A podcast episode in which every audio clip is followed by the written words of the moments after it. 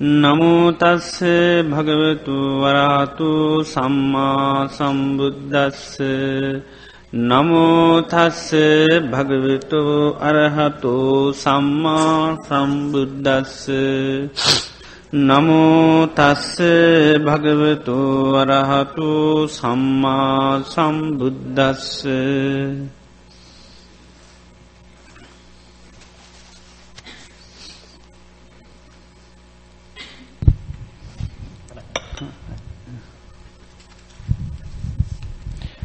අවසරයි ස්වාමින් වහන්සේ ලැබී තියෙන පළවෙනි ලිඛිත ප්‍රශ්නය ස්වාමින් වහන්සේ දස සංයෝජන සරලව විස්තර කරන මෙන් ඉල්ලා සිටිමි. ඒවා මාර්ගඵලයන් අනුව ප්‍රහාණය වන ආකාරයත් විස්තර කරන මෙන් ඉල්ලා සිටිමි. බුද්ධ ආදී අටතැන්හි ඇති සැකය විශේෂයෙන් පැහැදිලි කරන මෙන් ඉල්ලා සිටිමි.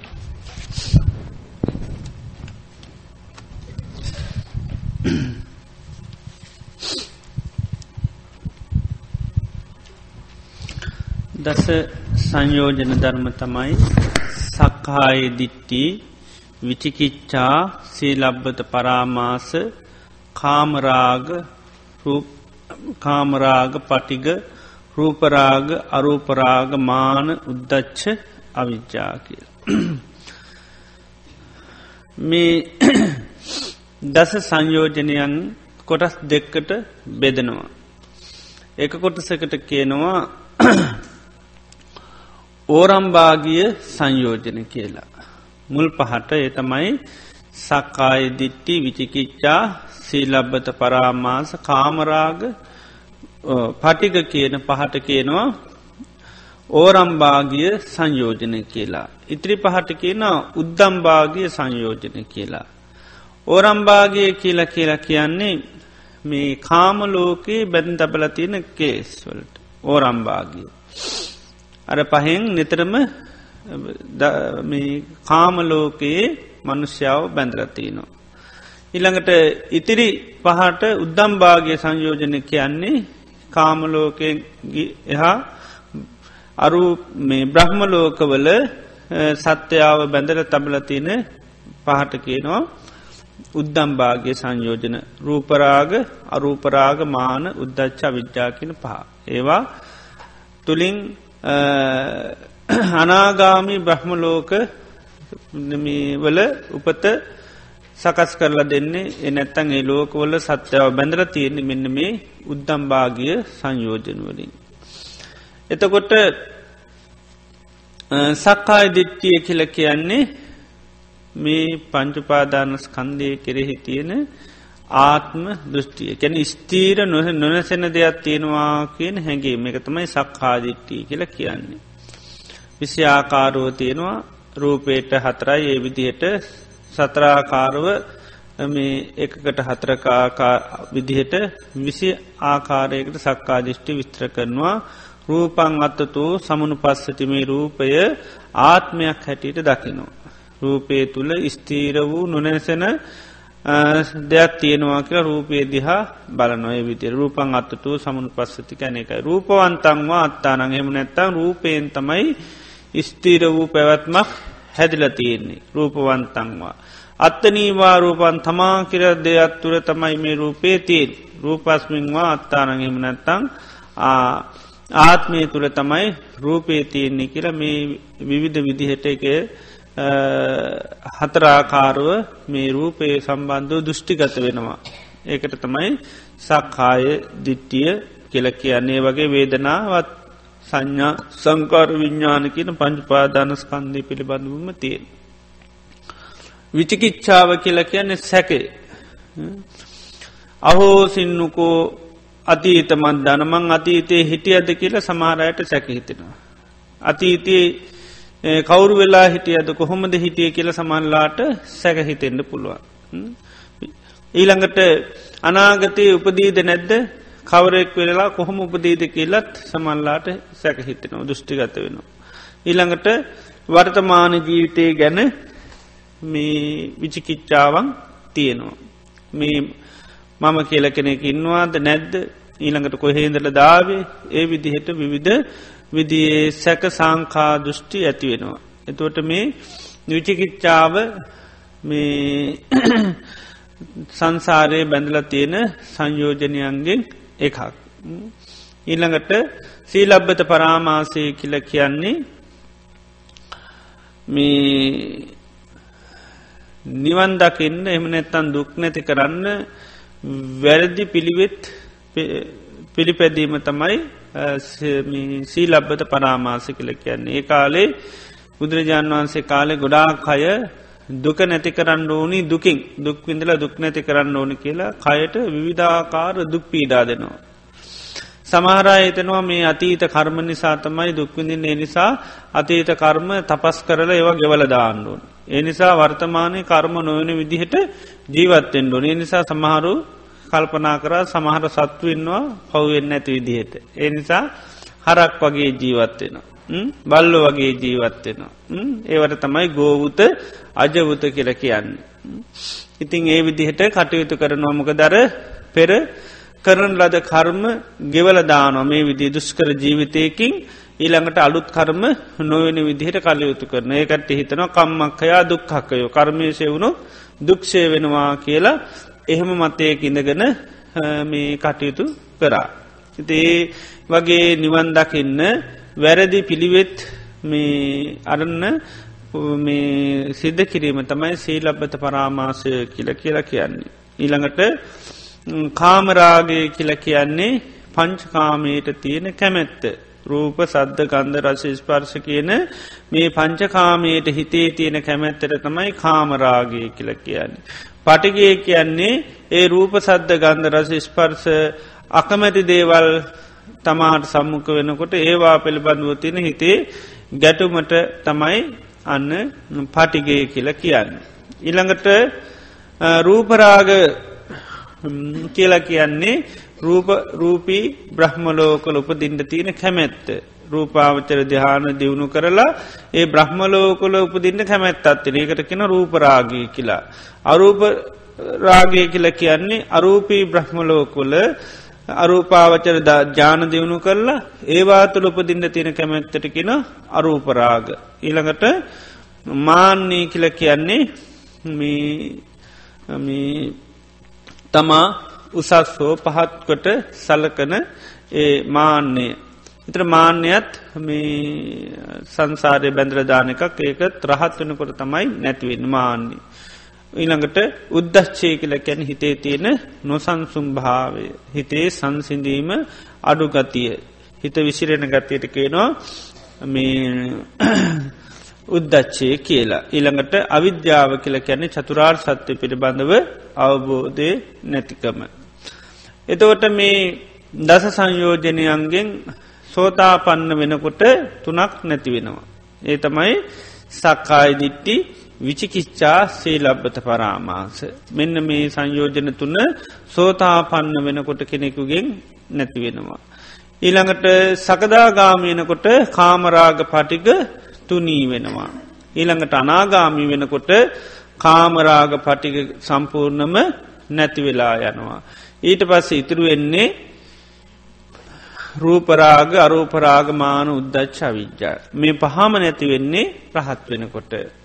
ඒ පහෙත් අර අපායගාමී ස්වභාවයන් සෝතාපන්න වෙනකොටම නැති වෙලා යනවා. අපායගාමි ස්වභාවයන් සෝතාපන්න වෙනකොටම නැතිවෙලා යනවා කෙලෙස්වල මේ නමුත් පරිපූර්ණ සම්පූර්ණම මේ මාන්‍ය උද්දච්ඡාත් අවිද්‍යා කිනෙවා නැතිවෙන්නේ රහත් වෙනකොට.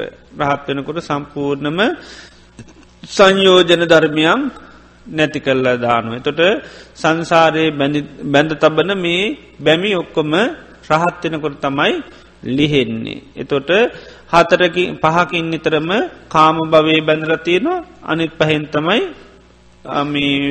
උද්දම්භාගය කියල කියන්නේ අරු බ්‍රහ්මලෝකවල බැන්ද්‍රධාන විශේෂයෙන් අනාගාමි බ්‍රහ්මලෝකවල.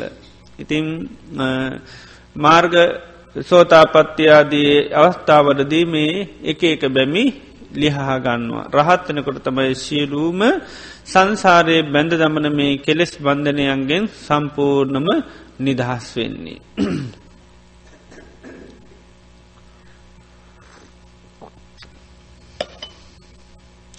බුද්ධාදී අට තැන්හි සැකය කියන්නේ බුද්ධ දම්ම සංග කියන තිවිධ රත්නය කෙරේ සැක කරනවා. ඊළඟට අතීතය ගැන සැක කැන අතීතයේ හිටියද නැද්ද කියල සැක.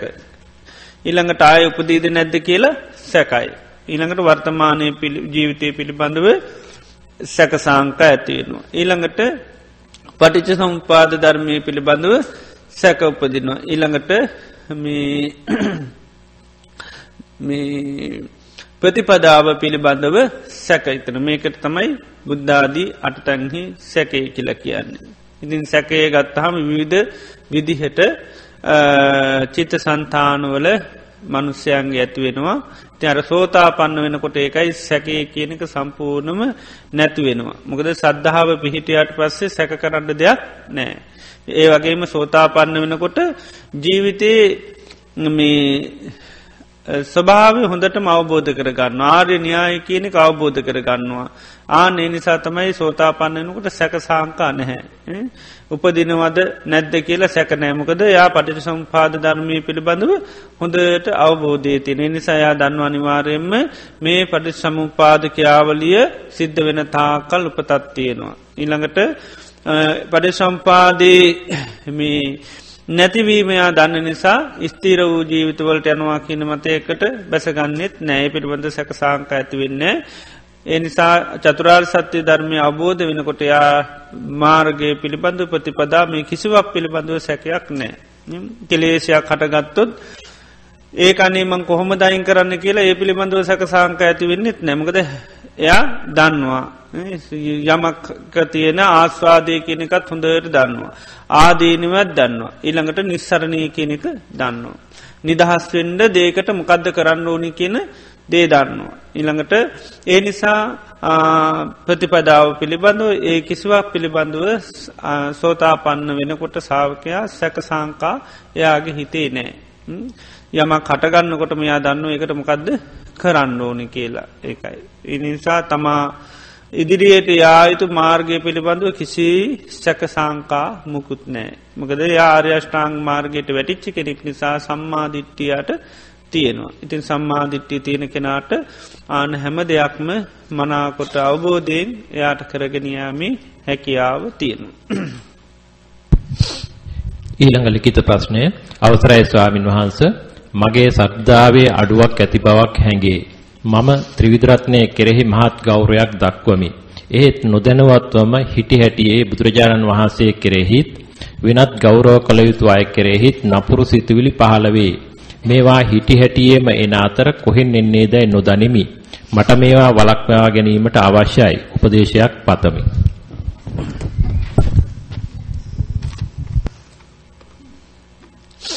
හිත කියන්නේ අනාත්ම ධර්මයන් අනාත්මයිකැන් අපිට ඕනි දිහේ පාලනය කරන්න අපිට ඕනි දිහේ ස්වභාවයෙන් පවත්වන්න පුළුවන් එකක් නෙමේ අපේ හිත මනස කියන එක.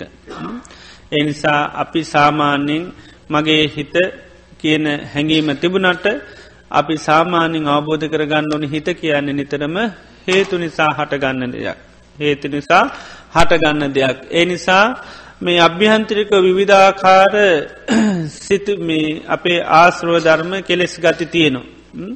ඉති ඒවා තියෙන හින්දා වරින්වර විවිධාකාර සිතිවිලි පැනනැගෙන්ඩ පුළුවන්. ඉති ඒවා පැනනැගුණ හම සමහරලාට අපේවට යට වෙන අවස්ථා තියෙනවා.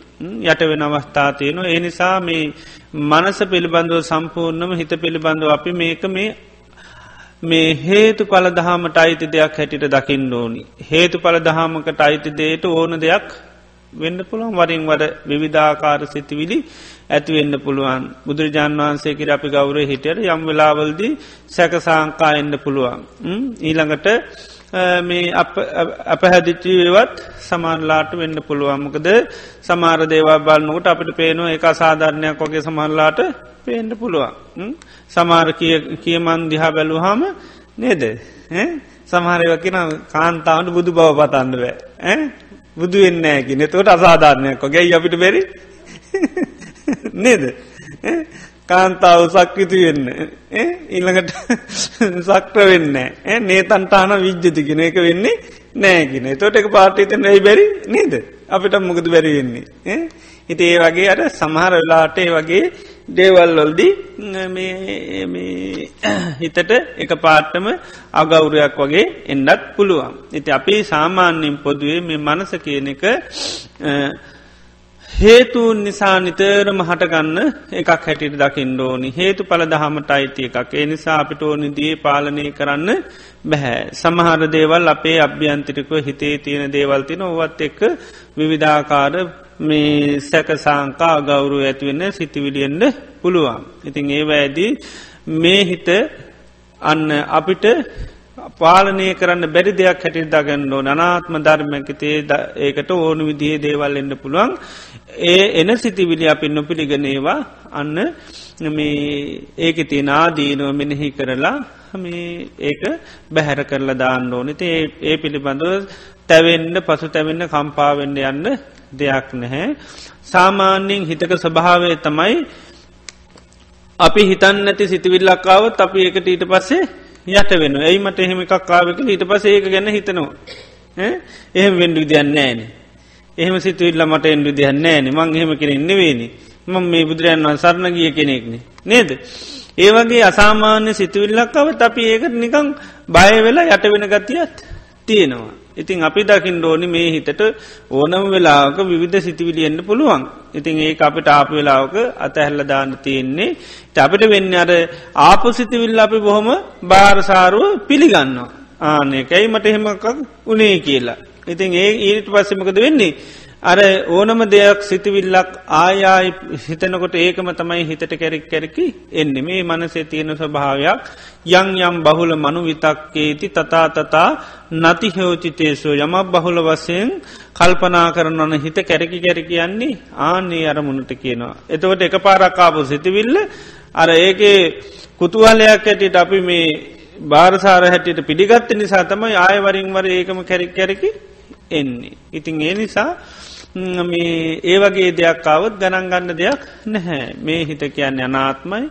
ඒතු නිසා හට ගන්න දෙයක්. ඇති මේකට විවිධාකාර දේවල් හටගන්නවා. ඉතිං අපි ඒ සිතිවිලි භාරනුගණ්ඩ ඕනේ. මේක මේ අනාත්ම ධර්මයන් නිසා මට අයිති එකක් නොවේ කියලා බැහැර කරලා දාන්න ඕනේ. මේ ඒකට කලබල වෙන්ඩ මේ පසු තැවෙන්න කම්පාවෙන්ඩ දෙයක් නැහැ. ඒකයි. ඊළඟට මේ දිවිදරත්නය කෙරෙයි බුදුරජාන් වහන්සේ කරේ ධර්මරත්නය සංගරත්නය කරේ සද්ධාව ඇතිවෙන්න බුදුගුණ දහම්ගුණ සඟගුණ නිතරම පුරුදු කරන්න ඕනි. මං අරයේ මේ අපේ පසාදය පිණිස ඇතිකරගත යුතු කරුණු හතරක් පෙන්වි තැම් බනක් එහෙම ඇහුවට පස්සේ අපි නිතරම පුළුවන් ඒක පුරුදු කරන්න. දැම් බනක් ඇහුවාම අපි බනවසාන හිතන්ඩුනි සම්මා සම්බුද්ධූ භගවා. භාග්‍යතුන් වහන්සේ සම්මා සම්බුද්ධයි අනේ මේ වගේ ගහම් බීර අපිට හිතාගණ්ඩුවත් බැරිදේවල් උන්වහන්සේ මේ කාගෙන්වත් උපදේශයකින් තොරව උන්වහන්සේ දේශනා කරා. අනේ උන්වහන්සේ කාන්තෙම සම්මා සම්බුද්ධයි. මේ වගේ වටිනා ජීවිත සම්බන්ධ කරුණු මේ ධර්මය තුළ තියෙනවා. ඒ නිසා මේ ධර්මය කාන්තෙම ශාකාත ධර්මයක්. මේ විදිේ වටනා ධර්මයක් දැකල තමයි මේ සංඝයා මෙහෙම නැත්තන් තතාගත සාාවකෝ මේ ශාසනය කරාගේ ඒනම් උන්වහන්සේලාගේ ගමන හරි ගමනක් සුපටිපන්නූ භගවතු සාාවක සංගෝ. ඒ විදිහට අපිට පුළුවන් බනක් අහල අවසානයේදී අන්න තිවිදරත්නය කරේ ගෞරු ඇති කරගන්න. වරින් වරත් නිරන්තරයම පුළුවන්. ජීවිතයට දුගක් කරදරයක් ආපවෙලාවෙත් තුරුණුවම් පිළිබඳව ගෞරය උපදවාගන ඒ දුක පීඩාව අවම කරගන්නත් පුළුවන්. සීවලී ස්වාමීන් වහන්සේගේ අම්ම ගැන හල ඇති අවුරුදු හතයි මාසාතයි දවස් හතක් දරුවා මෞකසේතියාගෙන අසීමිත ලෙස දුක්වින්දා. සාමාන්‍යයෙන් අද කාලෙ මුණොත් එහෙම නේද යන්ඩ දේවාලම දීනවා. නේද පිරිසරණ හොයාගෙන නේද? දැන් බලන්න. එතවට අවුරුදු හතක් මා සතත් දවස් සතක් තියාගන්නවා කියෙන් ලේසි වැඩත්ද ලේසි පහසු කාර්යක් නවේ ඉතිං එතුමිය ඒ වගේ ඉතාමත්ම බරපතල වේදනා විදිනකොට ඒ වේදනාව අවම කරලා තින්නේ තුරුණුවන්ගේ ගුණ සිහි කරලා. එය හිතනවා සුසුකංවත නිබ්භානං අනේ නිවන මහා සැපයක්. ඒ නිර්වාණයට පත් වනා නම් මේ වගේ දුකක් නෑ. මේ සංසාරය යනතා කල් මෙමුදු දුක් විඳ විඳ තමයි අන්ඩ තියෙන්නේ ඒ නිසා නිවන් දැකීමම තමයි හරි සුසුකංවත නිබ්බානං. සම්මා සම්බුද්ධූ භගවා භාගිතුන් වහන්සේ සම්මා සම්බුද්ධයි උන්වහන්සේ මේ ස්වභාවයන් හඳුරාගන උන්වහන්සේ තරුණා අපිට එතර වෙන්න මාර්ගය කියල දුන්නා මේ ජීවිතේ මේ ස්වභාවයන් උන්වහන්සේ අවබෝධ කරගෙන දේශනා කරන නිසා උන්වහන්ස සම්මා සම්බුද්ධයි. ඒ ධර්මය මේ වගේ දුකින් දහස්වෙන්ඩ මග කියනවා. ඒ ධර්මය මේ වගේ දුත්තියනවා කියලා කියන උපදිචි ජීවිතයට උරුම දේවල් කියර නංගේ ධර්මය ස්වාකාතයි ස්වාකාතෝ භගවතා දම්මෝ. මේ වගේ දුකත්තියෙනවා මේ දුකෙන් නිදහස්වෙන්ට තමයි තතාගත සාාවකයෝ ශාසනයට ගේනම් උන්හන්සේලාගේ ගමන අන්න හරි ගමනක. නිසා සුපටි පන්නූ භගවතු සාවක සංගූ. මේ විදියට අර තමන්ගේ දුක්වේදනාව අවම කරගන්නේ යටපත් කරගන්නේ තුරුණුවන්ගේ ගුණ සිහි කරලා. ඉතිං ඒ විදිහට අපිට පුළුවන් නිරන්තරේම මේ කරුණුතුන නිතරම සිහිකර කර හිතේ තිවිදරත්නය කෙරෙහි ගෞරුව ඇති කරගන්න. එතොට ගරු කටයුතු පුද්ගලයන්ට නිතරම ගරු කරන්න පුළුවන් මොකද අර ගුණ දකින්න දකින්න මොකද වෙන්නේ අගුණ අපිට පේනෙ නැහැ ගුණ තමයි පෙහෙන්නේ. තිය නිසා බුදුරජාණන් වහන්සේ සම්බන්ධව මේ විදියට කල්පනාකරොත් උන්වහන්සේගේ ගුණේ තමයි නිතරම අපිට මතක් වෙන්නේ. තොට අගුණ මතක් වෙන්නේ නෑ. අවසරයි ස්වාමීන් වහන්ස අට්ටික සංඥාවත් වැඩිදුර ප්‍රගුණ කිරීමට අදාළ සූත්‍ර හෝ පොත්පත් සඳහන් කළ හැකිද? මේ පිළිබඳව කලින් පිළියෙල කළ DVD හෝ CD තිබේද?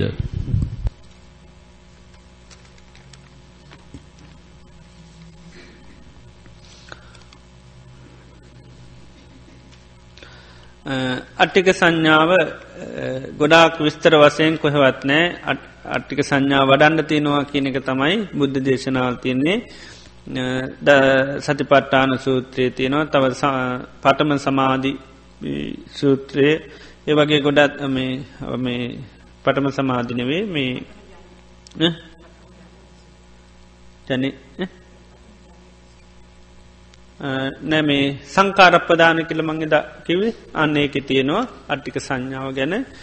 තව වෙනත් දේශනාවල මේ පෙන්නවා සංඥා දස් සංඥාදී සංඥා දේශනා කරන අංගුත්තනිකාය ගොඩත් තැන්වල මේ අටි සංඥාව ගැන කියර නමුත් ඒක විස්තර වසයෙන් කියලා ගොඩක් නෑ. මොකද මේක විස්තර වසයෙන් කරන්න අමුතු දෙයක් ඇත්තටම නැහැ. සංඥාව කියලා කියන්නේ අපි ගත්තහම මේ අපේ මනසට ගන්න හඳුනා ගැනීමක්. එතොට තමන් අපේ කය පිළිබඳුව අන්න අපි මේක ඇට සැකිල්ලක් හැටින් හඳුනාගෙන ඒ තුළ සිහ පීටවා ගන්න සමාධි භාවනාවක් වසමුත් වඩන්න පුළන් ඒ වගේම ඒක පටිකූල මනසිකාරය වසයෙන් පිළිකුල් භාවනාවට හරවල කරන්න පුළුවන්. පිළිකුල් භාවනාවත්තියෙනවා මේ ඇට එක කුණපු කොටසක් ඇටට පෙන්නනවා. මේ දෙසිස්කුර්මයන්ගේ එක කුණපයක් හැටිට ඇට දේශනා කරන මෙතනදී අට්ටික සංඥාව අපි වඩන්නේ අන්න සමාධි භාවනාවක් හැටියට සමත නිමිත්තක් කියල කියන්න බුදුරජාණන් වහන්සේ.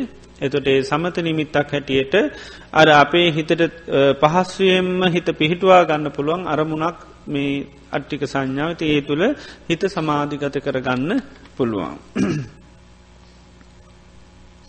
ඊළඟට දැන් බාහිරව ඇට සැකිල්ල අධ්‍යහා බලලා හොඳට බාහිර නිමිත්ත ගත්තොත් අපිට අට්ටික සංඥා වඩන්ටික පහසුයි. බාහිරව තියෙන ඇට සැකිල් අධ්‍යහා බලාගෙන හොඳට ඒ ඇට සැකිල්ලේ තියෙන ඒ ස්වරූපයේ සංඥාව අපේ මනසට ඇති කරගෙන ඊට පස්සේ අන්න තමන්ගේ කය දිහා බලාන මේ අයත් මේ ස්වභාවය තියෙන්නේ කියලා අන්න අටික සංඥා වඩන්න පහසුයි. ඉතින් ඒ නිසා දැන් ඕන තරම් මේ ඒ රූප බලාගන්න පුළුව මොක දැට්සැකිලි තියෙනවා. ස්වභාවිකයවත් තියෙන හදපුවත් තියෙන තේවගේ එකකදී අර ඇට සැකිල්ලක තියෙන ඒ ස්වභාවය ඉස්මරණය කරලා අන්න අපිට අට්ටික සංඥාව කියනක වඩන්න පුළුවන්. තිං ගොඩත් තැන්වලදී බුදුරජාණන් වන්ස කෙටියෙන් මේ අට්ටික සංඥාව දේශනා කල්ලා තින එක තැනක නෙවෙයි විශාල තැන්වල වෙනම සූත්‍රයක් කියල නෑ විවිධ දේශනා කර නවතතුරේදී ඒ සඳහන් කරලා තියෙනවා. ගර්ස්වාමින් වහන්ස ඇටසැකිල්ල අරමුණු කරගෙන කරනු ලබන භාවනාවේදී කය එක්වරක් අරමුණු කර ඇටසැකිල්ල දෙතුන්වරක් අරමුණු කිරීම වැරැද්දක්ද කරුණාකර පහදා දෙන්න.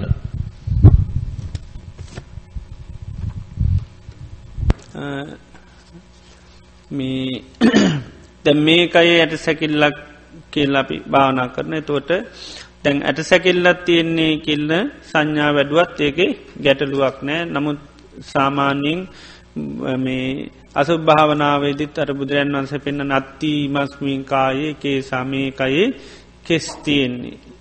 ලොම් තියෙන්නේ. විදිහට අර තමන්ගේ එරියව්ව එහම නැත්තන් කය අරමුණු කරගෙන කරන්න කියන. එතුවට මෙතනදී ගොඩක් ඉන්න ඉරියව්වට හිත පිහිටුව ගත්තාම හිත පිට යන ගතිය අඩුවෙනවා. ඉතින් ඒ නිසා කය හිත පිහිටවාගනම කරනකොට එතට ඇට සැකිල්ල දැක්ක නැතත් කමන්න මකද තමන් ඉන්නරියාව නිතරම තුළ හිත පිහිටුව ගන්න හින්ද. තිං ඒ නිසා ඒ විදිහට කරනකොට පහසුයි. දෙකක් හැටියට කෙනෙකුට සිහි කරන්න අමාරුනම් ඇට සැකිල්ලත් තියෙන්නේ කියනක සිහිකරත් එක ගැටලුවක් නැහැ. ඇට සැකිල්ලත් තියෙන්නේ කියනෙක විතරක් සහිකරනවර මේකයි ඇයට සැකිල්ලත් තියෙනෙකනු තමන් ඉන්න ඉරියාවට හොඳට හිතට අරමුණු කරගන්න පුළන් එතොට ඉන්න ඉරියාව ඇට සැකිල්ලක් හැටිට දකින්න පුළුවන්. ඉතේ තමන්ට කැමති දියට ඒක කරාට කමන්න ඉතින් ගොඩක් පහසුයි අඩ තමන් ඉන්න ඉරියාව නිතරම බලමින් කරනකොටමකද හිතේතුකොට පිට යන්නේ නෑ. කය තුළම සිත පිහිටුවා ගන්න හැකියාව තියෙනවා. අතිගෞරවනීය ස්වාමින් වහන්සේ මරණාර ස්මෘති භාවනාව කරන අන්දම කෙටියෙන් පහදා දෙනමින් කරුණාවෙන් ඉල්ලා සිටිමි.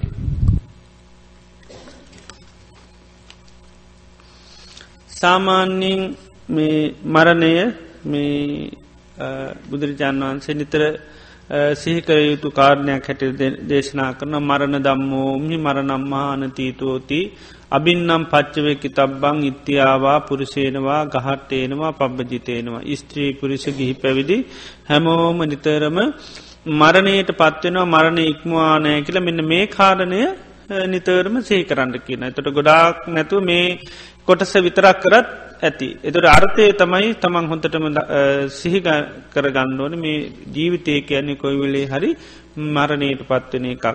මේ ජීවිතයේ තියෙන හැම කොටසක්ම මැල්ලන මේ ඇස් දෙක කන් දෙක නාසේ දිව සරේරයේ මනස මේ හැම දෙයක්ම මරණයට පත්වෙනවා මරණය ඉක්මවානෑ. ඉති ඒ මනසිකාරයත් එක්ක හොඳට අර්ථය අවබෝධ කරගන්නුවන ජීවිතය කියන්නේ කොයි මුහොතේ හරි මරණය කරායන එකක් නොමැරෙන එකක් නොවේ මරණය ඉක්මවා ගිය දෙයකුත් නෙවේ. ඒ විදියට කෙටියෙන් නිතරම මරණය පිළිබඳව මරණානුස්මෘතිය වඩන්න පුළුවන්. එහෙම නැතිනම් බුදුරජාණන් වහන්සේ පෙන්නෙනවා දවසේ වරින්වර වරින්වර මරණානුස්මති වරන්න පුළුවන්. දැ උදේ නැගිට්ටගමම සිහි කරන්න පුළුවන්. අද දවසේදී මට මරණයට හේතු භූත වෙන ගොඩා දෙවල් සම්මුක වෙන්න පුළුවන්. මම කණබොන ආහාරපාන දිරව ගන්න බැරුම් මම් මැරෙන්න්න පුළුවන්. පය හැපිල වැටලා මැරෙන්ඩ පුළුවන්. සතාසර්පය දෂ්ට කල්ලා මැරෙන්ඩ පුළුවන් ඊළඟට මනුෂ්‍යමනුෂ කරදරවලට මුණ පාලා මැරෙන්ඩ පුළුවන් වාත පිත සෙම කියන මේවා කුපිතවීම නිසාමරණයට පත්වෙන්න පුළුවන්. ඒළඟට විවිධාකාර බාහිරවාද කාලෙගතු නොයේ කුපද්රුවතින මේ වනිසා මරණයට පත්වෙන්න පුළුවන්. එතොට මේ අද දවසේදී ම මැරෙන්න්න පුළුවන් මගේ හිත කොහොමද තියෙන්නේ කියල බලන්න කියනවා. අද මම මැරෙන්ඩ සුදුස්සෙද්ද නුසුසුද්දෙස. හොඳ මරණයක් වේවිද නරක මරණයක් වේද කියර තමන්ගේ හිතදිය හොඳට විමසල බාලන්න. එතොට පේනවා අද දවසතුර මැරුණොත්හෙම හිතේ මේ මේ කෙලෙස් ගති තියෙනවා මේ මේ අඩු පාඩුකන් තියෙනවා. ආන එතකොට ඒ වහඳුගනාගෙන තොට මම මේ කෙලෙස් තිබුණත් මැරෙනවා නොතිබුණත් මැරෙන ඇත මේවා මේ කෙලෙස් සහගතුව මැරණොත් මට හොඳ මරණයක් වෙන්නේ නැහැ. එතකොට ආනේ කෙලෙස් ප්‍රහාණය කරගන්න පුළුවන් අර විදියට මරණ සතිය වඩලා. ඊළඟට මේ හවස්යාමිත් කියන විදියට හිතන්න. අද දැම්මම් මේ නිදාගණ්ඩයන්න මේ නින්දදීම මරණයට පත්වවෙන්න පුළුවන් ඒ නිසා මටගේ හිත කොහොමද තියෙන් ඒ විදිහට කල්පනා කල්ලා තමන්ගේ හිතේ කෙලෙස් තියෙනවා නං ඒ වයින් කල්ල හිත පිරිසිදු කරගෙන නිදාගන්න කියනවා. ඒවගේම දවසේ වරින්වර වරින්වර හැම මොහොතේම ආන්න මරනානුස්මතිය කියන එක වඩන්න පුළුවන්. දැන් දවසේ භාගයක් ගිය. ඊළඟ කාල පාරාශය තුළා මංමරෙන්ඩ පුළුවන් කියලා නිතරම මරණය ගැන සිහිය උපදගන්න මරණ සතිය කියැන් ඒකයි. මැරෙන බව සිහිය පිහිටුව ගන්න දැන් අපි ඒ සිහිය මද නිසා තමයි ප්‍රමාදය කියනක තියෙන්නේ. ඒ නිසා නිතරම සිහ උපද්දව ගන්නවා මේ මරණය කොයි හරි මොහොතේ වෙන්න පුළුවන්. ඒවගේම තවත් තිවුණු ලෙස මරණ සතිය වර්ණ හැටි පෙන්න්නනවා බුදුරජාණන් වහන්සේ අවස්ථාවක් මරණ සතිය ගැන දේශනා කරන තොට එක බිස්තුවක් කියනවා. මේ ස්වාමිනි මනම් මරණ සතිය වඩන්නේ මේ විදේමකද මම හිතන්නේ අද දවස විතරයි මට තියෙන එකම දවස. අද දවසේදී මම මරණයට පත්වෙන්න පුළුවන්. ඒ නිසා මම ඒක නිසා අද දවසේ මම මේ වීරිය වඩන්න ඕන තතාගතයන් වහන්සේගේ ශාසනයේ ප්‍රතිල්භාභයක් ලබන්න. තොර සාමන්වන්ස නමක්ව මම හිතන්නේ දවස් භාගයක් ජීවත්තේ දවසේ භාගත්තමයි ජීවත්තේ නේට හනන් ජීවත්වෙන නැතුවේ නිසාමම අන්න පිළිවෙත් පුරන්න වූන් තව ස්වාමන්වන්ස නමක්ව මනම් පින්ඩ පාත ගිහිල්ලා ජීවත්ත ඕ එනකං විශ්වාස කරන්න මකද අතර තුළ මරණයට පත්වෙන්න්න පුළන් ඉතින් මට ගොඩාත්දේ මේ ශාසනය කරන්න තියෙනවා. ඒ නිසා නිතරම සිහියෙන් ඉන්න ඒවා කරගන්න. ඒවගෙන් තව ස්වාමන් වන්සනමක්ව මනං හිතන්නේ පින්ඩ පාතේ වලඳනකංවත් ජීවත්වේද දන්නේ නෑ. එහෙම ජීවත්වෙනවනං ආන්න ගොඩක් වටිනවා මොකද එච්චරවත් ජීවත්තේද කියලා ආන්න විශ්වාස කරන්නෑ කිව්වා. එතෝට තව ස්වාමින්නාසනමක් කිව්වා මම කල්පනා කරන්න නම් පින්ඩ පාත භාගයක් වලදනකන් ජීවත්තේ දන්න. එහෙම ජීවත් වනොත් ලොකූ දෙයක්. එහෙම ජීවත්වනොත් ලොකූ දෙයක් මට ගොඩාත් දේ කර ගණඩ තින මේ ශාසනය තුළ. තව ස්වාමින්නාසනමක් කිව්වා මේ මේ දානේ වල බත් කටක් කරන්න ගිලිනකන් ජීවත්තේ දන්නෑ කියලා හිතනවකිව. බත් කටක් කරම් ඒක ගිලිනකන් ජීවත්තේ දන්න එහෙම ජීවත්වනොත් ලොකු දෙයක්. එච්චර විශ්වාසයක් නෑ මේ ජීවිතේ ඒ අතුරතුර මැරෙන්ඩ පුළුවන් කිව්වා. තව සාමන්නාසනමක් වවා මමනන්ස් කල්පනා කරන්න හුස්මරං හෙලනකන් ජීවත්තේද දන්න නෑ. මකද ගත්ත හුස්ම හිරුණොත් ආන්න මරණයට පත්න. ඒ නිසා ඒ තරං අවිශ්වාසයි ඒ තරං ස්තීර භාවයක් මේ ජීවිතේ නැති බව දකිනවක් වෙතින් බුදුරජාණන් වහන්සේ පෙන්වා ඉතාමත්ම තිවුණු ලෙස මරණ සති වරණ දෙන්න තමයි බත් කටා කරන් ගිලින කෙනයි හුස්මරං හෙලෙන කෙනයි. ඒ තරං ඒ සාමිනාන්සර සිව් තිවුණු ලෙස වඩනවා. ඉතින් අපිට එක එක්කෙනාට පුළුවන් ඉතින් සාමාන්‍යෙන් දවස මුලින්ම පුරුදු කරන්න පුළන් මම අද දවස පමණයි ජීවත්වෙන්නේ. උදේ නැගිටට පස හිතන්න පුළ අද තමයි මගේ අවසාන දවස්ස. ඉති ඒ නිසා මේ දවස තුල්ල මම අනවසේ දේවල් මගේ ජීවිතය මං කරන්න හොඳ නෑ මකද අන්තිම දවසන ඒ නිසා වැඩිපුර අටදදායි දේවල් තම යද දවස කරන්න ඕනි. තේ විදිහට මරණ සතිය විවිධ විදිහට වඩන්න පුළුවන්. ඉතිං ජීවිතය පිළිබඳව ස්තීර කැනේ කියන අපිට තියෙන ඒකට කියැන මත් ගතියක්. මේක තියයි කියන මත්වීමක් අපේ ජීවිතය පිළිබඳව තියෙන. එකට කැන ජීවිත මදය. ඒකයි බොහෝ කාලයක් පවතීවී කියන අභ්‍යන්තරකව හිතේ මත්ගතියක් තියෙනවා. ඒක තේරෙන්නේ නැහැ. ඒක තේරෙන්නේ නෑ එතන මොකද වෙරි වුණහම තේරෙන්නේ නේ වගේ තමයි. මේකින් හිත මත්තු නහම ඒ ස්වභාව අපිට තේරෙන්නේ නැහැ. ඉතිං මරණ සතිය වඩන්න වඩන්නානේ මත්ගතිය ජීවිතයෙන් අයින් වෙලා යනවා. මත්ගතිය අයින් වෙලා යනවා. ඉති ඒ නිසා මරණ සතිය වැඩීම තුළින් අප්‍රමාදය කෙනෙ ඉතාමත්ම බහුල වසයෙන් ඇති කරගන්න පුළුවන්. දැන් සාමාන්‍යයෙන් අපිට ජීවිතය ගත්තාම් බොහෝම බාර සාරධයක් හැටිට පේනවා නමුත් පෙන මන්න සති වර්ණ තැන්වල උපමා පෙන්නවා මේ තනාගතියන පිණිබිදක් වගේ කියන විශ්වාසයක් නැහැ. කොයි වෙලේ වැටේද? දන්න නෑ මේ ජීවිතයත් එහෙමයි. අපිට ලොකුවට බාරසාර විදියට පෙනුනට චූටි දෙයක් ඇති ජීවිතේ විනාශවල යන්න. පොඩි දෙයකින් පොඩි සතෙක් දෂ්ට කරපුහම සමාට මදුරියත් දෂ්ට කරපුහම අපේ ජීවිතේ ඒකෙන්ම විනාශ වෙන අවස්ථා තියෙන එනිසා නිතරම අන්න මරණා සතිය වටන කෙනා මේක මේ ස්තීර නැති දෙයක් හැටිට නිත්‍රම දකින එනිසා ඒකම බලන්නේ මරණය කියනක කොයි වෙලේද දන්න හිත කොහොමද පවතින් මේ වගේ හිත් අපිට සිදුව මැරුණොත් එහෙම බොහෝම ලාමක මරණයක් වෙන්නේ. තිය නිසා ඒ විදියට මරණ සතිය අපිට විවිධ විදිහට දියුණු කරන්න පුළන් සාමාන්‍යයෙන් අ පොදුවේ අරගන මේ ජීවිත මම මරණයට පත්වන කෙනෙක් මරණය ඉක්මෝලනය කියලා ආනේ කාරණය සිහි කරන්න පුළන් ඒ එක්කම ඉතින් හිතන්න පුළුවන් විවිධ දේවල් විවිධ මරණය සඳහා බොහෝ දේවල් ජීවිතය තියෙනවා. ඉතින් එනිසා ඒ විවිධ ආබාධවලට විවිධ දේවල්ට ලක් ළමේ ජීවිතය කියන්නේ මරණයට පත්වෙන්න පුළුවන්. එනිසා මම මගේ මරණය කොයි මොහොතේ සිද්ධ වේද දන්න. එනිසා පිරිසුදුව ජීවත්තෙන් ඩෝනේ මකද මරණය කෙනෙක වෙන වෙලා අපිට කියන්න කාටුවත් පුළුවන්කමක් නැති නිසා. මේ ප්‍රශ්නයත් මරණානුස්සති භාවනාව පිළිබඳව ගරු ස්වාමීන් වහන්ස අප වීරිය වැඩිම සඳහා මරණානුස්සති මරණානුස්සති භාවනාව වඩන්නේ ජීවිතය අනියතයි මරණය නියතයි වශයෙනි. මීට වඩා එය සිතට කාවදින ලෙස වඩන්නේ කෙසේද කියා කරුණාවෙන් කියා දෙනමින් ඉල්ලා සිටිමි. දැන් කියපු විදිහට තමයි කරන්න තියෙන්නේ. නිතරම හිත දිහා බලන්න. එතකොට මේක ගොඩාක එකයි මරණානුස්මතිය බලාපොරොත්තු වෙන්නේ. මකදද? අප්‍රමාදය ඇතිවෙරට මොකද ප්‍රමාදය කියන එක තියෙනවා. නරම මං ඉස්සල්ලකිවන මත්වීම කියල එකත්තිනවා ජීවිත මදය කියල තියෙනවා. ඒ ජීවිත මදයත් එක තියෙන්නේ ප්‍රමාදගතියක් ප්‍රමාදගතියක් තියෙන්නේ. ඉතින් ඒ ප්‍රමාදය සම්පූර්ණම නැති වෙලායන්වර මරණය කියන එක ගැන සිහිකරපුවාම මොකද ජීවිතය ඕනම අවත්තාව ඕන කෙනෙක් මැරෙන්න්න පුළුවන්. මොකද මේ මරණයේ ගැන ජීවිතම් ව්‍යාධි කාලෝච දේහනික්කම නං ගතිමේ අපි ජීවත් වෙන කාලය අහවල් තැන මැරෙන්නේ. අපේ මළමිනිය දානය හවල් තැන මේවා කියන්න බෑ කියනවා. මැඩන රෝගය කියන්න බෑකින වෙලාව කියන්න බෑකින කාලය කියන්න බෑකිනවා.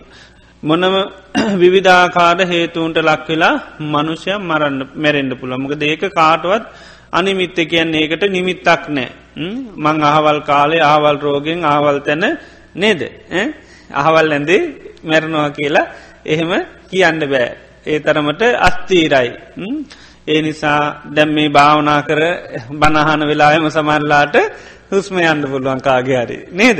ඒ වගේ ස්වභාවයක් තමයි තියෙන්නේ. ඉතිං ඒ වගේ ඒ තරම්ම ස්තීර ස්වභාවයෙන් නැති අස්තීර ගතියත් තමයි ජීවිතයේ තියෙන්නේ. ඉතිං ඒක අර්ථය හොඳට හිතට ඇතිකරගෙන භාවනාවසයෙන් කරන්න ඕනි. නිසා මේ ජීවිතයේ මරණයට පත්වෙනවා මරණ ඉක්මානෑ කියන මේ සිහිකිරීම හොඳට මැති ඒකත් එක් අර්ථය හොඳට ගන්නඩුව ජීවිතය කියන කොයි මොහොතේ හරි මරණයට පත්වෙනවා මේක නොමැරණය කන්නවේ මේ අපිට ලබන්න බැරි අලබ්බනීය ටාන ලබන්න බැරි කාරණයක් ඉතින් ඒ විදියට අර්ථය හොඳට ඉස්මතු කරගෙන මරණ සතිය කියන එක වඩන්න පුළුවන්. ඉතින් අර්ථය තමයි හැම භාවනාවකින්ම අර වචනය විතරන්නිකං කියක ඉඳලා බැහැ. අර්ථය හොඳට දකිින් ඕෝනි. අර්ථය ඉස්මතු කරගන්න කරගන්න තමයි ඒ පිළිබඳව අපිටන්න මේ අවබෝධය කලකිරීම වැටහීම ඔක්කොම ඇතිවෙන්නේ. නිතරම සෑම දෙයක් කරනකොට හොඳට අර්ථය කියනෙක උරුප්පල ගන්න අර්ථය මතු කරලා ගණ්ඩෝන ඒකයි. මරණයට පත්වෙනවා මරණ ඉක්මානෑ කියනකට හොඳට අර්ථමේ ජීවිතය කියන්නේ කොයි මෝතේ හරි මරණයට පත්වෙන මේක මැරල යන එකක්. මේක ඉක්මවා ගියපය කන්නේ මේක ඉක්මවන්න පුළංකක් නෙවේ. තේනිසා අර්ථය හොඳට ඉස්මතු කරගෙන හොඳට මේ භාවනා මනසිකාරයන් පවත්වනකොට තමන්ට කාලයක් යැනකොට අර මරණය පිළිබඳ හොඳට සිහිය කියනක පිහිටනවා ඒකයි. සිහි කරන්න කරන්න තමයි සිහිය කියනක පීටන් ඉති මරණය ගැන නිතර සීකරනවනයා අන තමන් ඒ පිළිබඳ හොඳට සිහියත්තියන. එතවට යම් වෙලාවක ජීවිතේ මරණා සන්න වුණොත් ඒ වෙලාවේ කලබල වෙන්නේ කම්පාවෙන්න සැලෙන්නේ යන්න නෑමක දෙයා අන්න අර මරණය පිළිබඳ හොඳ සිහි ආර්ථයන මේක මැරණ එකක්. ඒ නිසා දැන්ගේ සඳන්න අවස්ථාවන්නේ එතෝට එයාට මේ අහම්බෙන් වෙච්චි දෙයක් හැටියට මේන එක පාට විච්චි දෙයක් හැටියට එයා දකින්න නැමකද ජීවිතය ඕනම වෙලාක මේ දේ වෙන්න පුළුවන් කියන බලාපොරොත්තුවෙන් තමයි හිටිය. ඉති නිසා මේ අර්ථය හොඳට ඉස්මතු කරගෙන අර වගේ දවස අරගෙන පුළුවන්. නැත්තන් නිතරම මේ හිතන්න පුළුවන්. මගේ ජීවිතය තව සුළු මොහොතත් තියෙන්න්න පුළුවන්. ඒ විදියට තිවුණු තිවුණු ලෙස හිත ප්‍රඥා වැඩි දියුණෙනකොට ඉතා සිවුම් ලෙසත් මරණානුස්මතිය වඩන්නට පුළුවන්. ගෞරවනීය ස්වාමීන් වහන්ස අට්ටික භාවනාව කරන අවසාන කාලය තුල ශරීරයේ පාදවල තද වේදනාවක් දැනුනි. ඔළුව පිටිපස තදවීමක් සහ ඊට පසු සුළු වේදනාවක් දැනුනි. මේ අවස්ථාවේදී කල යුතු දේ පහදා දෙනමින් ගෞරවයෙන් ඉල්ලා සිටිමි.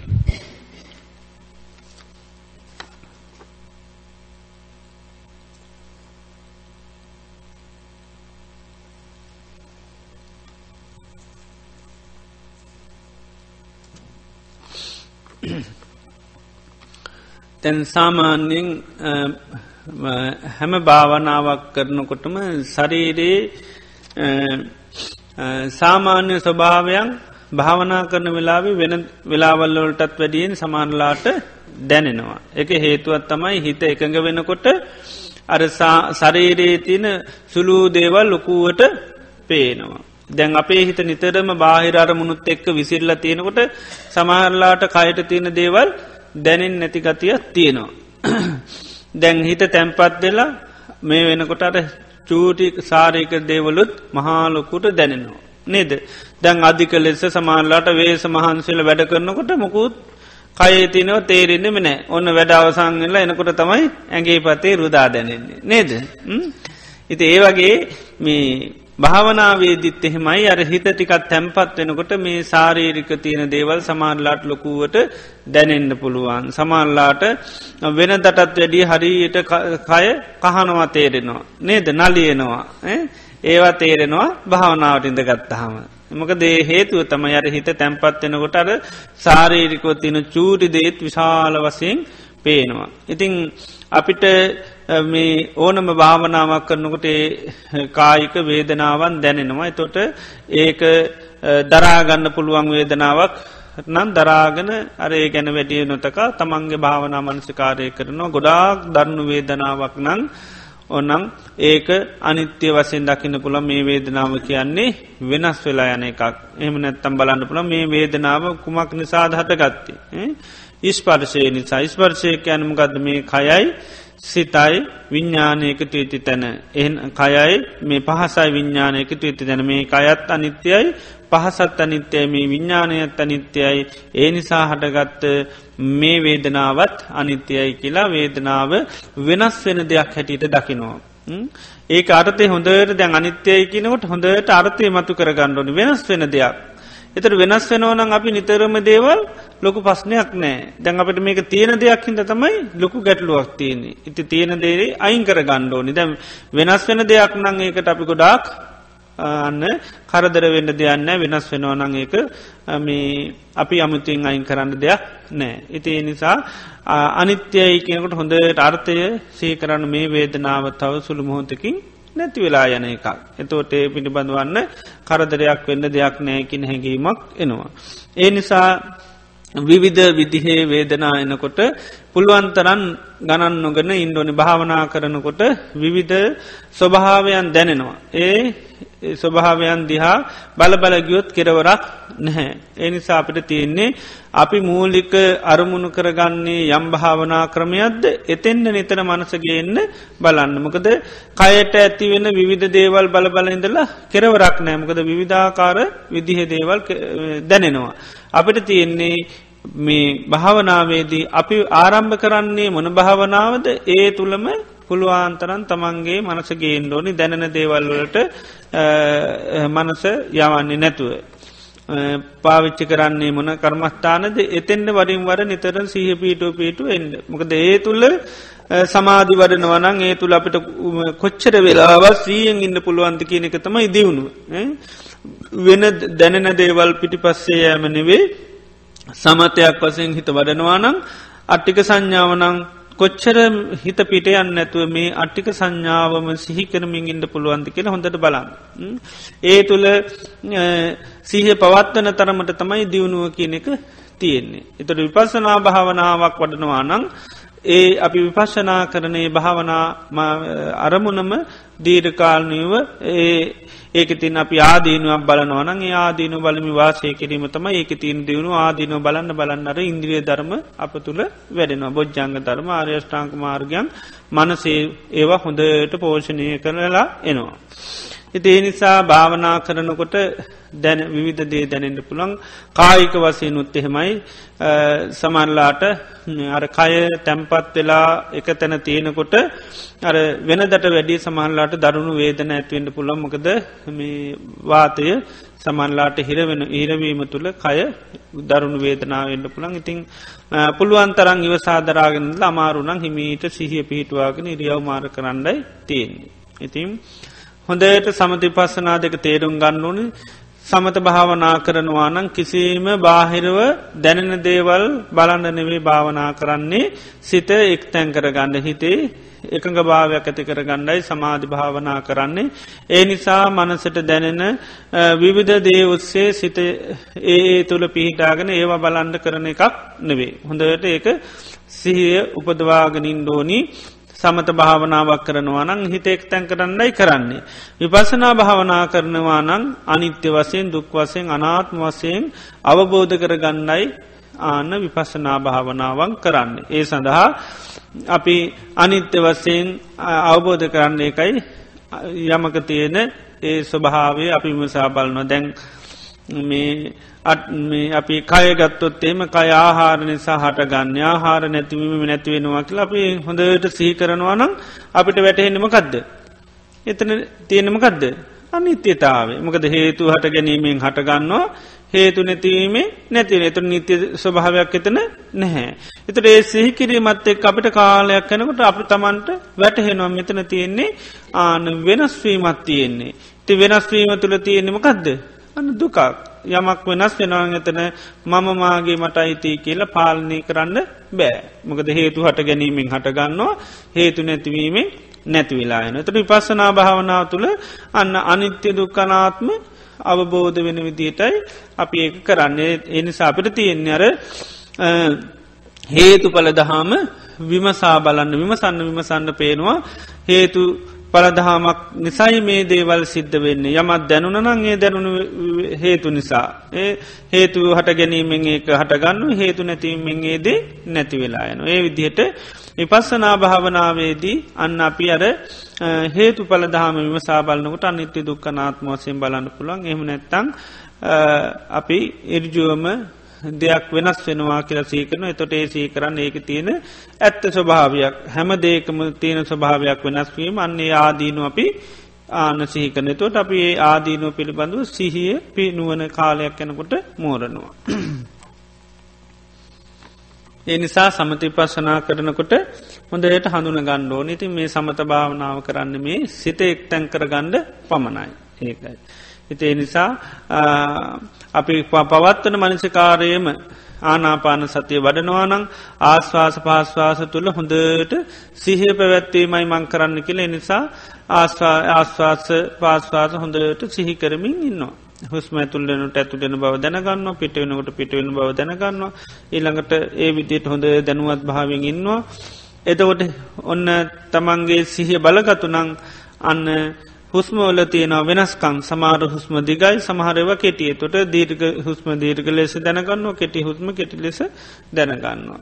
ඉතින් ඒ විදිහට මේ ආනාපාන සතිය සමත වසයෙන් වරන්නකොට අපි වෙනත් මුකුත් සාරීරික ස්වභාවයන් බලන්න දැනෙන්ට හුස්ම වල තියෙන ස්වභාවයන් බලන්න යන්නෙන්න හුස්ම පිළිබඳු සිහෙන් ඉන්න විතර. එතන හුස්ම මොකක්ද එතන තියෙන සතර මහාධාතුද කෙලෙහෙම බලන්න යන්නෙත් නැහැ.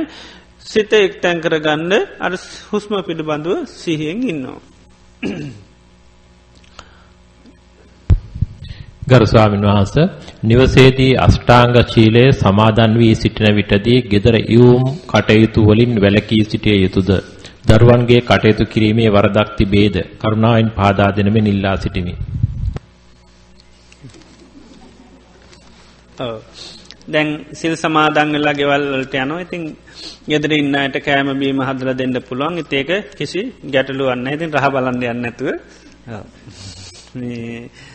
ඒ අය කෙරේ මේ මෛත්‍රී භාවනාව වගේ පුගුණ කරමින් ඉතිං වෙලා පිහල දෙන්න පුළුවන්. ගෙදර වැඩ කරා කියලා කිසි ගැටලුවක් නැහැ. ඉතිං යෝසීලවා සීලවන්තයසු දදාති දානන් කියලා නැත්තම් යෝසීලවා දුස්සීලෙසු දදාදානන් කියලා නේද. සිල්ලොත් වෙලා අන්න අයට දෙන දානේ ආනිසංස වැඩි. ඉතේ අය සිල්වත් නං අන්න අපිට මහත් පල මහනිසේවේ නැත්තං කරුණාමයිත්‍රපදවාගෙන අන්න දෙන්න පුළුවන්. ඒ නිසා සිල්ලත් අය සීලේ නැති අයට දන් දෙන්න හොඳ නෑ කළ එකක් නෑ. ඒ නිසා මේ දානයක් හැටියටම හිතලා කෑමිටි හදල දෙන්න පුළුවන් ගෙදර දුරේ වැඩ කරා කියල කිසි ගැටලුවක් නැහැ. ඒනම් අපිට අපි සිල්ලනන් ඉන්න හැමදම් මුකුත් කරන්න ඇතු ඉන්ඩ නැදට වෙලා. වැඩ පෙර කරන්න ඇතු අතු ගාන්න ඇතුව නේද? ඇයි හැම දාමසිල්න්නේ නේද? ඒම මේකක් නැහැ. ඉතින් ඒ නිසා තියෙන්නේ සාමානයෙන් එදි නිදා වැට්ටික කරාට කමන්න ඇතින් සීහ උපදවාගෙන මං සිල්ල අරගන්න ඉතින් මේ මං බොහොම මගේ සීලයට කිසි හානියක් වෙන්න ඇත්වෙන මං මේ සාමාන්‍ය වැට් කට්ටිය කරනවා කර නිතර සීහ උපද්දවාගෙන කරන්න ඕන. නිතරම සේ කරන්න ඕන. අද මං සිල් ගත්ත කෙනෙ මං අට්ටාංග සීලිය සමාදංගල තියෙන එනි සමම් බොහෝම පරිස්සමෙන් මේ කටයුතු කරනවා. ගෙදෙට්ට ඇතුල්ලෙන කොටත් හොඳ සීහ පුදාගෙන යනවා. හිතට කිසි ප්‍රශ්නයක් වෙන්නේ නෑ. ගරුතර ස්වාමින් වහන්ස පංච උපාදානස්කන්ධයත් අභිධර්ම පරමාර්ථ ධර්මත් ගලපාගෙන පංච උපාදානස්කන්ධයේ ආධිනව මෙනෙහි කරන ආකාරය පහදා දෙන්න. පහත ආකාරයට මම ගැළපීම කරන ලදී. ඒ නිවරදිද? රූප රූප වශයෙන්, වේදනා චෛතසික වශයෙන්, සංඥා චෛතසික වශයෙන්, සංකාර චෛතසික වශයෙන්, විඥාන චිත්ත හැටියට.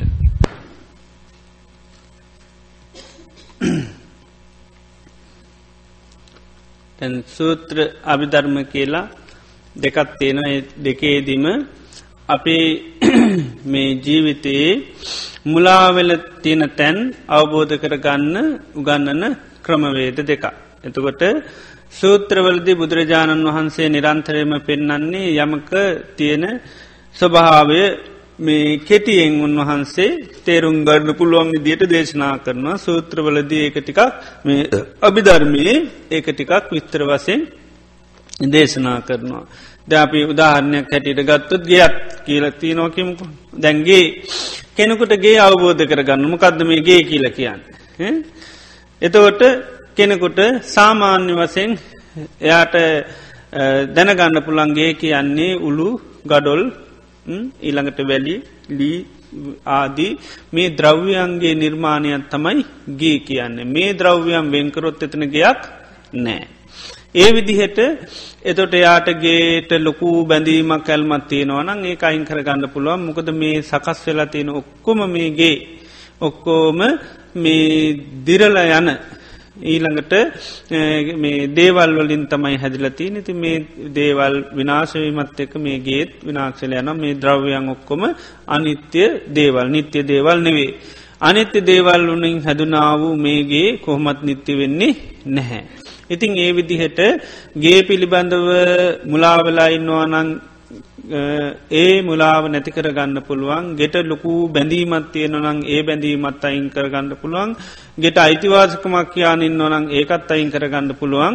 අඩ ගේ හැදිල තියන්නේ මේ මේ ද්‍රව්‍යවලින් මේ මේ දේවල් වලින් හැදිල තින ති මේ දෙයින් හැදිච්චිගේ ඇන්න මේ ස්වභාවේ මේකයි කියලා අවබෝධ කරගන්න පුළුවන්.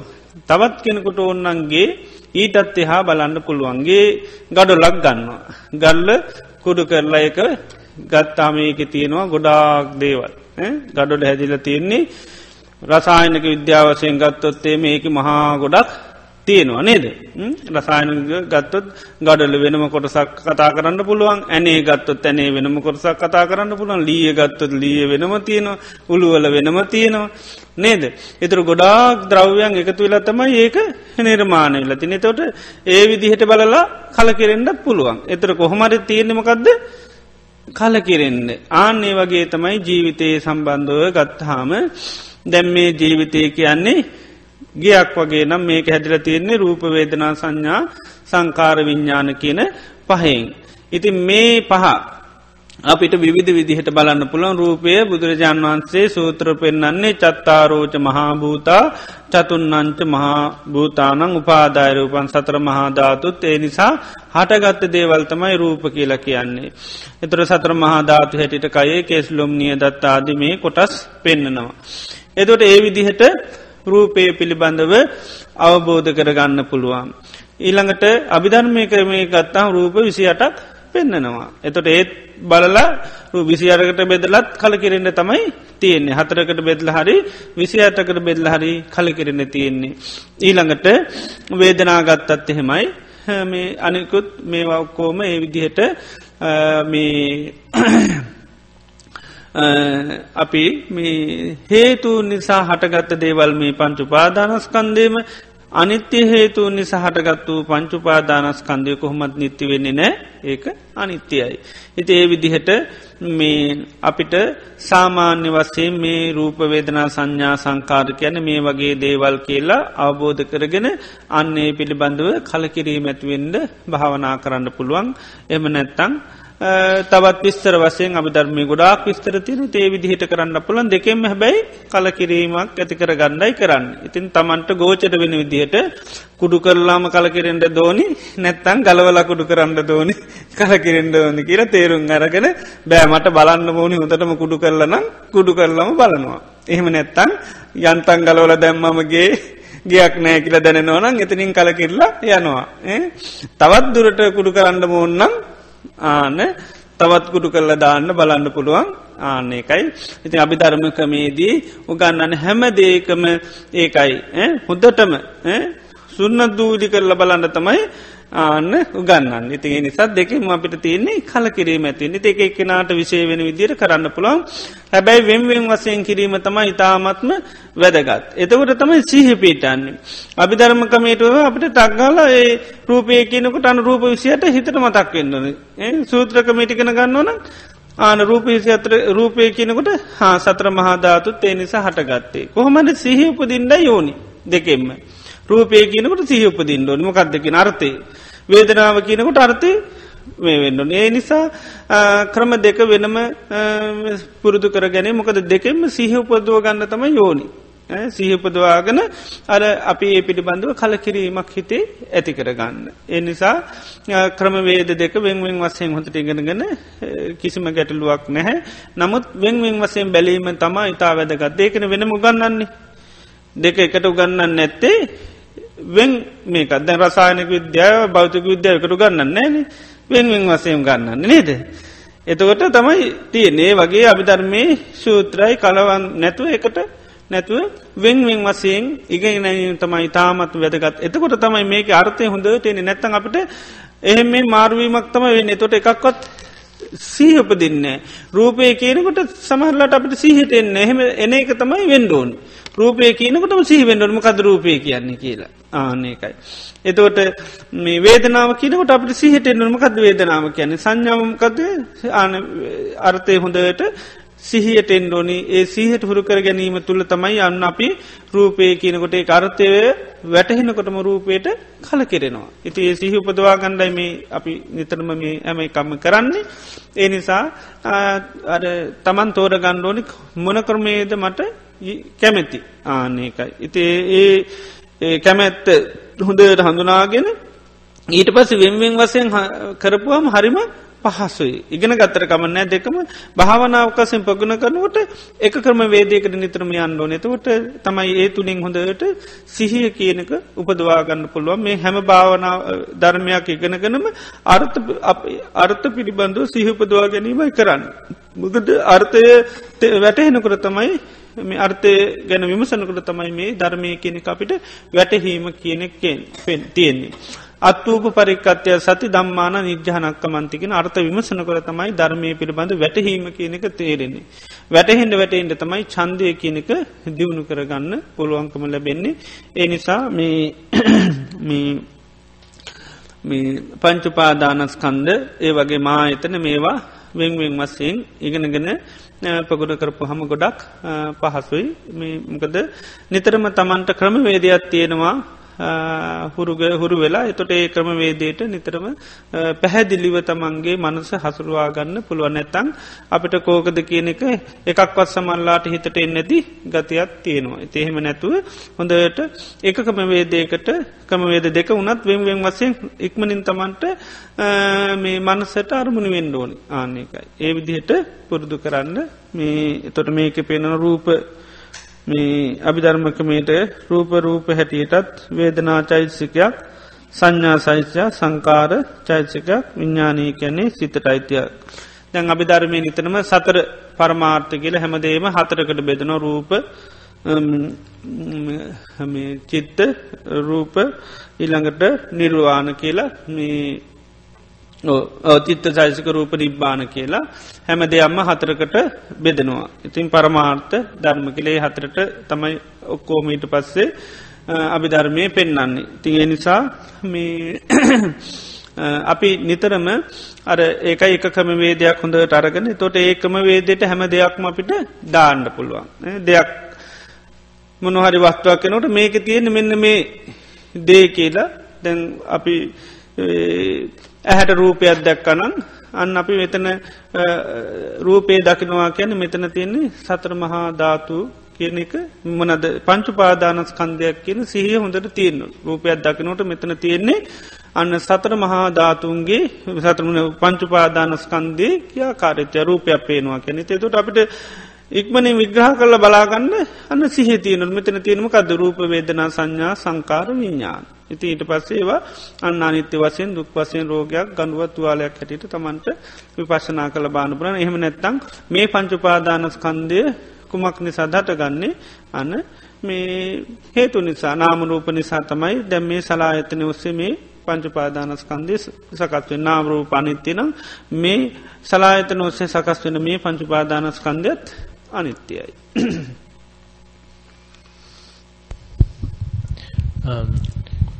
ගරු ස්වාමීන් වහන්ස මේ ප්‍රශ්නය කොටස් හතරක් තියෙනවා. පළවෙනි කොටස කායික රෝග භාවනාවට කරදරයක් වූ විට එයින් ජයගන්නේ කෙසේද? පහදා දෙනු මැනව. දෙවෙනි කොටස සක්මන් භාවනාවේදී ආස්වාස ප්‍රාස්වාස ක්‍රියාවලිය හා කයේ චලනය යන ක්‍රියාවලි දෙකටම එකවර සිත යොමු කළ යුතුයද පහදා දෙනු මැනව. තුන්වෙනි කොටස සංඥාව නොහොත් හඳුනා ගැනීම පහදා දෙනු මැනව සංඥාව රෝගයක් දුකක් අනිත්‍යයි අනාත්මයි ලෙස හඳුනා ගන්නා ආකාරය පහදා දෙනු මැනව. ස්වාමින් වහන්සේ පෙර සංඥා හා පසංඥා පහදා දෙනු මැනව. හතරවෙනි කොටස විඥානයේ රෝගයක් දුකක් අනිත්‍යයි අනාත්මයි ලෙස හඳුනා ගන්නා ආකාරය පහදා දෙනු මැනව.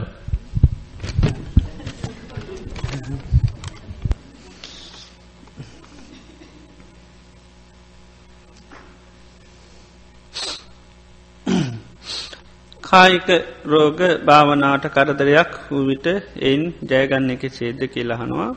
දැන් කායික රෝග හටගත්තට පස්සේ දැන් අපි බලමියම කරන්න ඕනිමකක්ද සිහ පීටුව ගණ්ඩෝන්. කායිකව මොනයම්ම ආබාධිත ගති ඇත්තියෙනවා නං සිහ පීටු ගන්න ඔන්න මට දැන් කායික දුක්වේදනාවක් හටගන්නවා.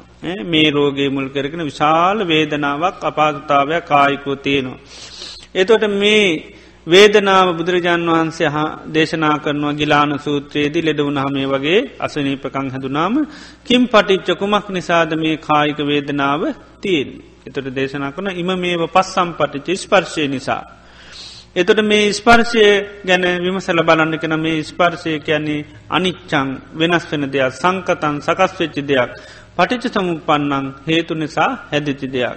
එතොට අනිත්‍ය වූ සකස් වෙච්චි මේ පටිසම්පන්න ධර්මයක් නිසා වූ මේ ස්පර්ශය නිසා හටගත්ත මේ වේදනාවකුතෝ නිච්චම් භවිස්සති නිත්‍ය වෙන්නේ කොහොමද. ඒක අනිත්‍යයි කියලන්න හටගත්ත කායික දුක්වේදනාව ආන්න එවිදිහට බල්ලා අයිංකර ගණ්ඩක් පුළුවන්. එහෙම නැත්තම් වේදනා කායික වසයෙන් රෝගයක් තියෙනකොට මනසට පීඩා එනකොට දකිින් ඕන මේ රෝග කියන්නේ අපිට උරුම වූ දෙයක්. මේක මේ ලෝකයේ කාටවත් මේ වලක්වන්න බෑ මම විතරක්න මේ මේ රෝගවලට පත්වෙන මේ ලෝක හැමෝම රෝගවලට පත්වෙනවා. ඉතින් ඒ නිසා මේ රෝගය මම එපාකිව්වත් ඊළඟට පිළිගත්තත් යන්ඩ කිව්වත් රෝගය කියන එක කයට උරුම දෙයක්. මේ රෝග කය කියන්නේ රෝගයන්ට කැදැල්ලක් වගේ. ඉතින් කැද කුරුල්ලො නිතරම කොහෙට දැන්නේ කැදැල්ලට. ඉතින් මේ රෝග නිඩ්ඩම් පබංගුරන් කියන මේක මේ කය කියන්නේ රෝගයන්ට කැදැල්ලක්. ඉතින් ඒ නිසා ඒ ඉතන් ඒ කට්ටි කැදැල්ල කියලා. ඒ නිසා ඇවිල්ල පජංචියනවා කුරුල්ලො ටික. ඉති ඒ නිසා නේද? ඒ නිසා මේක අර සාධාරණ දෙයක් හැටියට දකිින් ඕනි. නිතරම අපිට ගොඩා තියෙන පස්්න විත තමයි දෙයක් හටගත්තා මේක මට වෙච්චී හුද කලා දෙයක් හැටියට ගන්නවා. ඇයි ඒ එතකොට තමයි තියෙන ගැටලුවතින් නිතරම පොදු දෙයක් හැටියට ගන්න මේ කයයි කියන්නේ මේ ලෝක යම්තා කයවල් තිරෝන ඒ හැම කයම්ම ලෙඩ වෙනවා. මගේ කයි විතරක් නෙවේ ඉතිං ඉතින් කයක් ලැබුවොත් ලෙඩවීම උරුම කොටපු තියෙන දෙයක්. කාටවත් දෙවියකුට බ්‍රහ්මියකුට මාරයකුට වත් අයින් කරන්න බෑ. බුදු පසේ බුදු මහාරහතන් වහන්සේලාගේ කයවල්වලටත් වේදනාව ඇතිවුණා උන්වහන්සේලාටත් ඉවසාදරාගන්නව බොහොම දරුණු රෝගාබාධ උන්වහන්සේලා කයවල්ලොලට හටගත්තා. ඉතිං අපි ගැන අපේ කයවල් ගැන කියන්නම දෙයක් නැහැ. ඉතිං ඒ නිසා මේ ශරීරය තියනතා කල් මේ රෝග තියෙන නිසා මේක නිදහස් වෙච්චිදාක තමයි අපිට අන්න මේ රෝගයන්ගෙන් නිදහස් වෙන්න තිනේ නිසා මම මේ කය තියෙන මේ චන්දරාගේ මේකෙන් දුරු කරගණ්ඩෝනි මේ වගේ රෝගයට කැදැල්ලක් වෙලා තියෙන කය මගේ කරගත්ත නිසා අනුන්ගේ කැදැල්ලක මං පදිංචියෙන් ඩාවෙන්දතම මං මේ දුක්කිනින්නේ කුරුල්ලන්ට මේක ඉට දීල මං මේකින් අයිගෙනවා කියලා හිතනවා. නේද කුරුල්ලොම මේක පදිංචින්ඩ කියලා. ආන්නේ විදියට සීකරලා මේ අර කායිකරෝගයන් අපිට ජයගණ්ඩ පුළුවන්. අපි අනුන්ගේ කූඩුවකට ගිහින්ද තමයි මේ කියලා නේද. එහෙම හිතන්න පුළුවන් මොක දෛතිකාරයකු රෝග තමයි. කයේ අයිතිකාරය රෝගය අය නිතරම ඉතින් මේකට එනවා. ඉතින් ඒ නිසා මේ ඒ විදියට කල්පනා කරලා මේ මේ අපිට කායික රෝග නැති කරගන්න පුළුවන්. ඒ වගේම සක්මම් භාවනාවේදී ආශ්වාස පාශ්වාස ක්‍යාවලට හා කයේ චලනයට යන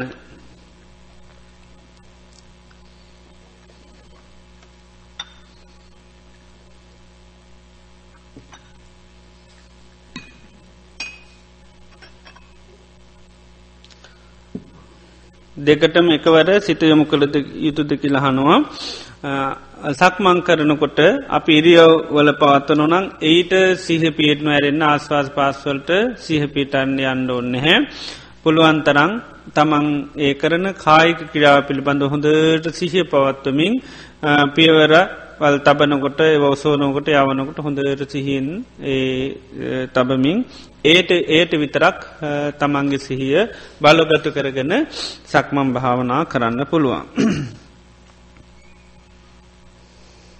සංඥාව නොහොත් හඳුනා ගැනීම පහදා දෙන්න කියනවා සංඥාව කියලා කියන්නේ බුදුරජාණන් වහන්ස දේශනා කරනවා සංජානාති සංජානාතිකෝ භික්කවේ තස්මා සංඥවා හඳුනාගන්නවා හඳුනාගන්නවා කියෙන අර්ථයෙන් තමයි සංඥාව කියලා කියන්නේ. නීලම්පි සංජානාති නිල් කියල හඳුනගන්නවා. පීතම්පි රතු කහ නිල් ඒ වගේ දේක තියෙන සටහන් ස්වභාවය අර්ගන හඳුනගන්නවා. එතකොට සංඥාවෙන් තමයි දේක තියෙන හර ස්වරූපය අපි හඳුනාගන්නේ. එතකොට මේ සංඥා කී අත්තිනවද හයත්තින රූප සංඥා සද්ධ සංඥා ගන්ධ සංඥා රස සංඥා පොට්ටප සංඥා රූප හඳුන ගන්නවා. අපි බාහිරුවතින රූප විවිධ විදියට හඳුනා ගන්නවා. දැන් අපි ගෙවල් කියල හඳුන ගන්නවා අම්ම තාත්ත කියල හඳුන ගන්නවා දූදරුව කියල හඳුන ගන්නවා. විවිධාකාර දේවල් අපි ලෝක හඳුනාගන්න මේ ඔක්කම අපේ හිතේ තියෙන සංඥා. හොඳයි කියල හඳුන ගන්නවා නරකයි කියල හඳ ගන්නවා කැතයි කියල හඳුන ගන්නවා නේද? සුබයි කියල හඳුන ගන්න විවිධ විදිහට මේ සංඥාව කියන එක පවතිනවා. එතොට රූප සද්ධ ගන්ධ රස ස්පර්ශ ඔක්කෝම හඳුනා ගැනීම කරනවා. ඒක ඒ වගේ සටහන් ස්වරූප අපි වසයෙන් තම හඳුන ගන්න එකයි නිල් කියල සමාරය හඳුන ගන්න රතුයි කියල හඳුන ගන්න ඒ වගේ සමාරයව හොඳයි කියල හඳගන්නවා කැතයි කියලා හඳුන ගන්න මේ ඔක්කොම සංඥාවෙන් තමයි කරන්නේ.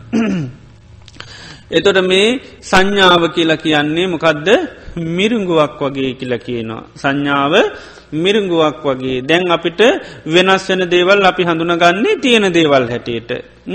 ඊළඟට දුකපදන දේවල් අපි හඳුනගන්නේ සැප හැටියට. ඊළඟට අයිති නැති දේවල් හඳුනාගෙන තියෙන්නේ අයිති දේවල් හැටියට. ඊළඟට අසුභ දේවල් සුභ හැටියට.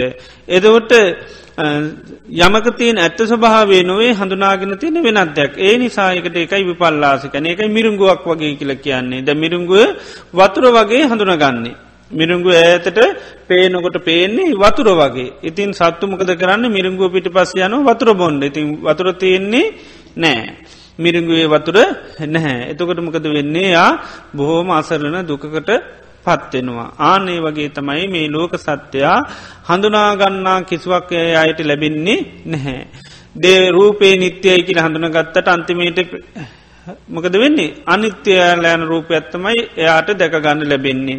සැපයි කියලා හොඳනාගත්ත දේවල් දුක තමයි යන්තිමේට ඉතුරු වෙන්නේ. අයිතිී කියල දේවල් වෙනස්වීම තමයි යන්තිමේට ඉතුරු වෙන්නේ. එනිසා මොකද වෙන්නේ අර මිරිරුගුවකට රැවටුනා වගේ වෙනවා අපි සංඥාවට රැවටීම. එනිසා සංසාරික වස්සයෙන් ඒකයි මේ සංඥාවට හිත බැඳිල තියෙන්නේ.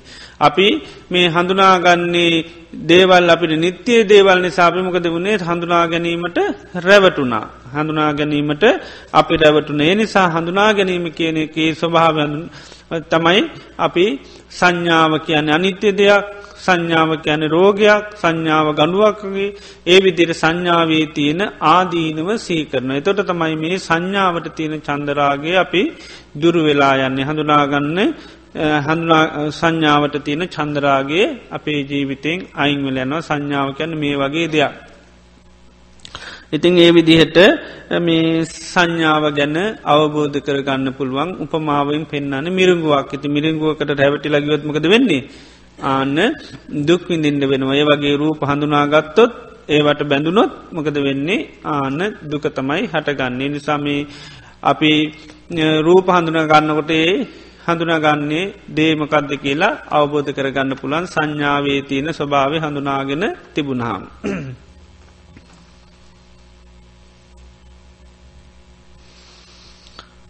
පච්චාපුරේ සංඥී කෙල එකක් භාවනා කරනකොට කරනවා. පච්චා පුරේ සංඥී පෙර පසු සංඥාව කියලා කියනවා. ඒ තමයි සමහර වෙලාවට නිදිමතාදී වෙලාවට පච්චාපුරේ සංජීව සක්මං කරන්න පුළුවන්. ඒ තමයි ඉස්සරහට යනවා නමුත් පිටි පස්සට යනවා කියල හිතාන යනවා. එතට මොකද වෙන්නේ. ටිකක් ආන්න මේ වගකීම් සහිතව යන්න න පිටි පස්සට යනකොට යන්න පුලන් නිකං ආනේ වගේ දැම් පච්චාපුරේ සංඥී කියන්නේ එකයි ඉස්සරහට යන නමුත් හැඟීම තියෙන මම මේ පිටිපස්සට යනවා කියල. එතකොට නිදිමත වෙලාවට ටිකක් ආන්න මේ නිදිමත නැති වෙලා නතරමකද වැට ඉදන්න ඇන්න පිටිපසට හිල්ල නේද? එතට පිස්ස පිටිපස්සට යන ඉස්සරහට යනවා කියලා හිතාගෙන. ඒ වගේ පච්චාපුරේ සංඥී සක්මන අධිෂ්ඨාන කරන්න කියනවා. සක්මං කරනකොට ඒ තමයි අර හිත අවදිමත් කරලා ගන්න. අට තීන මිද්දේට යටවුණු හිත අවදිමත් කරලා ගන්න අන්න මේ ඉස්සරහට යනවා මං මේ පස්සට යනවා කියන හැඟීම ඇති කරගෙන. එතොට බෝම පරිසමින් යන්න ඕනි නේද පිටි පස්ස රැස් නෑ ඒ නිසා අපි ටිකක් රිවස් කරනකොටත් බොහොම අවදා නේද. වගකීම් සයිතව තමයි කරන එක පාට රිවස් කරන්න ඉස්රහට යනවාගේ නේද. ඒ වගේ මෙතනත් අර හිතට අවදිමත් කරලා ගන්න හිත අර විදිහේ සංඥාවකින් සක්මං භාවනාව යෙදෙන පුච්චි පච්චාපරේ සංජීව සක්මං කරන්න කියනවා. විඤ්ඥානී රෝගයක් දුකක් අනිත්‍යයි ලෙස හඳුනාගන්න ආකාරය පාදාදෙන්. දැ විඤ්ඥානය බුදුරජාණන් වහන්සේ කැන මායාවක් කියලා කියන මැජික එකක් කියලා දැම් මේ විඤ්ඥානය පිළිබඳව ඒක අර්ථය කැනේකින් අපේ අපිට විඤ්ඥානය පේන්නේම නිත්‍යය දෙයක් සැපක් හැටියට තමයි විඤ්ඥානය ගැන හඳුනාගෙන තියෙන්නේ. මේ විඤ්ඥානය අපිට සැපක් හැටියට පේනේ තුර රෝගයක් හැටියට බලන්න කියන්නේ විඤ්ඥානය පවතිනතා කල්ම විඳවන්න තමයි තිීන්. විඤ්ඥානය පවතින තාකල් විඳවන්න තියෙන්නේ. දැන් රෝගයක් හැඳල තින තාකල් සැපයක් නෑ. වගේ විඤ්ඥානය පවතින තාකල් අපිට ආයමත් උපත ජරා මරණ සෝක පරිදේව දුක්දුමනස්සාදී අනන්ත දුක්කයන් විදින්න තියන්නේ. ඇති අර විඤ්ඥානය පිළිබඳව කලකිරීම ඇත්වෙන්නේ එකයි විඤ්ඥානය අපිට සංසාරක වසයෙන් ඒක ස්වභාව අපි නිවැරදිව හඳුනාගෙන නැහැ. ඒකයි හඳුනාගන්න විඤ්ඥානයේ අපි දන්නා දේක ස්වභාවෙන් බලනවා රෝගයක් තින තාකල් විඳවන්න තියෙනවා නම් මේ විඤ්ඥානය පවතින තාකල් විඳවන්න තමයි තියෙන්නේ. ඊළඟට විඤ්ඥානය කැන නිරන්තරයම හේතු හට ගැනීමෙන් හටගන්න එක හේතු නැතිවීම නැතින නිසායක නිත්‍යයයි. ඒ වගේම විඤ්ඥානය අපිට කාටුවත් ඕන විදිහට පාලනය කිරීම අයිතියක් නෑ ඒවම් මේ හෝතු මෙහෙම වෙන්න ඒවම් ආවෝසි මෙහෙම වෙන්න එපා කියලා. ඒ නිසා විඤ්ඥානය කියනිකාන්න අනාත්මයි අයිතිත්වයක් නෑ පාලනය කිරීමේ හැකියාවක් නැනිතරම හේතු සහගතව හටගන්නවා හේතු නැතිවීමෙන් නැති වෙලා යනවා. ඒ නිසා පාලනය කිරීමේ අයිතියක් නෑ.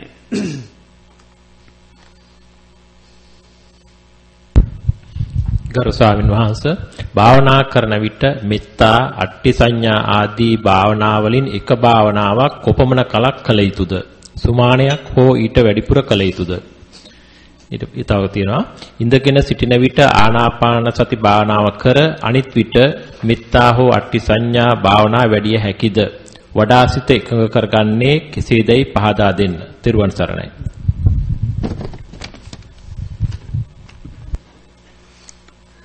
භාවනාවක් රහත් වෙනකම්ම කරන්න කාලේ රහත් වෙනකම්. ඉතින් අපිට මේ ඉතින් භාවනා ක්‍රම කීපයක් පුරුදු කර ගත්තර කවන්නේ නිතරම මං කියන්න එක ආසනය කීපයක් කරන්න යන්න ඇතුව කාලයක් හොඳට හුරු වෙනකං කරන්න.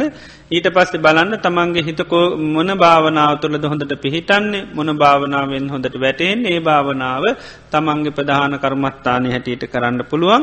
ඉතිං වරින් වර අනෙකුත් භාවනා කරාට ගැටලුවන්නෑ සමහර වෙලාවදී බුදුරජාන් වහන්සේම දේශනා කරනවා දේක හිත පිහිටන්නේ නැත්තං මේ වෙනත් අරමුණක හිත පිහිටවන්ඩ කියන මොකදේ තීන මිද්ද වෙච්ච වෙලාක වනත් කියන තමන් කරන භාවනාව තුළ තීන මිද්ද ඇතිවුණනම් වෙනත් එකකට හැරවට පස්්නයන්න ඇමක දරක මේ නීරසවීම නිසා සමාන්ලාට තීන මිද්දට යන්න පුළ නිසා අලුත් එකක් අලුත් භාවනාවක හිත පිටවාගෙන කරන්න පුළුවන්. ඒ වගේ අවස්ථාවල්දි මාරු කරාට ගැටලුවක් නෑ.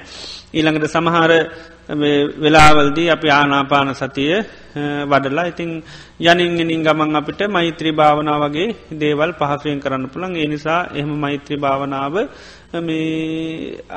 සාමාන්‍ය ජීවිතයේදී එදිනෙදා කටයුතු කරනකොට එහෙම කරහා කියලා ගැටලුවක් නෑ. ඉඳගෙන භාවනා කරන වෙලාවේදී ආනාපාන සතිය වඩනවා. ඉළඟට අනෙකුත් අවස්ථාවලදී ගෙදර දොරේ වැඩ කරනකොට මේ හැම වෙලාවේදීම මෛත්‍රී කියන එක කරන්න පුළුවන්. මොකද මෛත්‍රී භාවනාව කම තුනකට කරන්න පුළුවන්. මෛත්‍රී කායකර්ම මෛත්‍රී වචේකර්ම මෛත්‍රී මනෝකර්ම. ඉති මේ තුනෙම්ම මෛත්‍රී භාවනාව අපිට දියුණු කරගන්න පුළුවන්. කායික දෙයක් කරනකොට අපි මෛත්‍රී සාගතුවය කරොත් ඒක මොකද වෙන්නේ මෛත්‍රී කායකර්මයක් වෙනවා.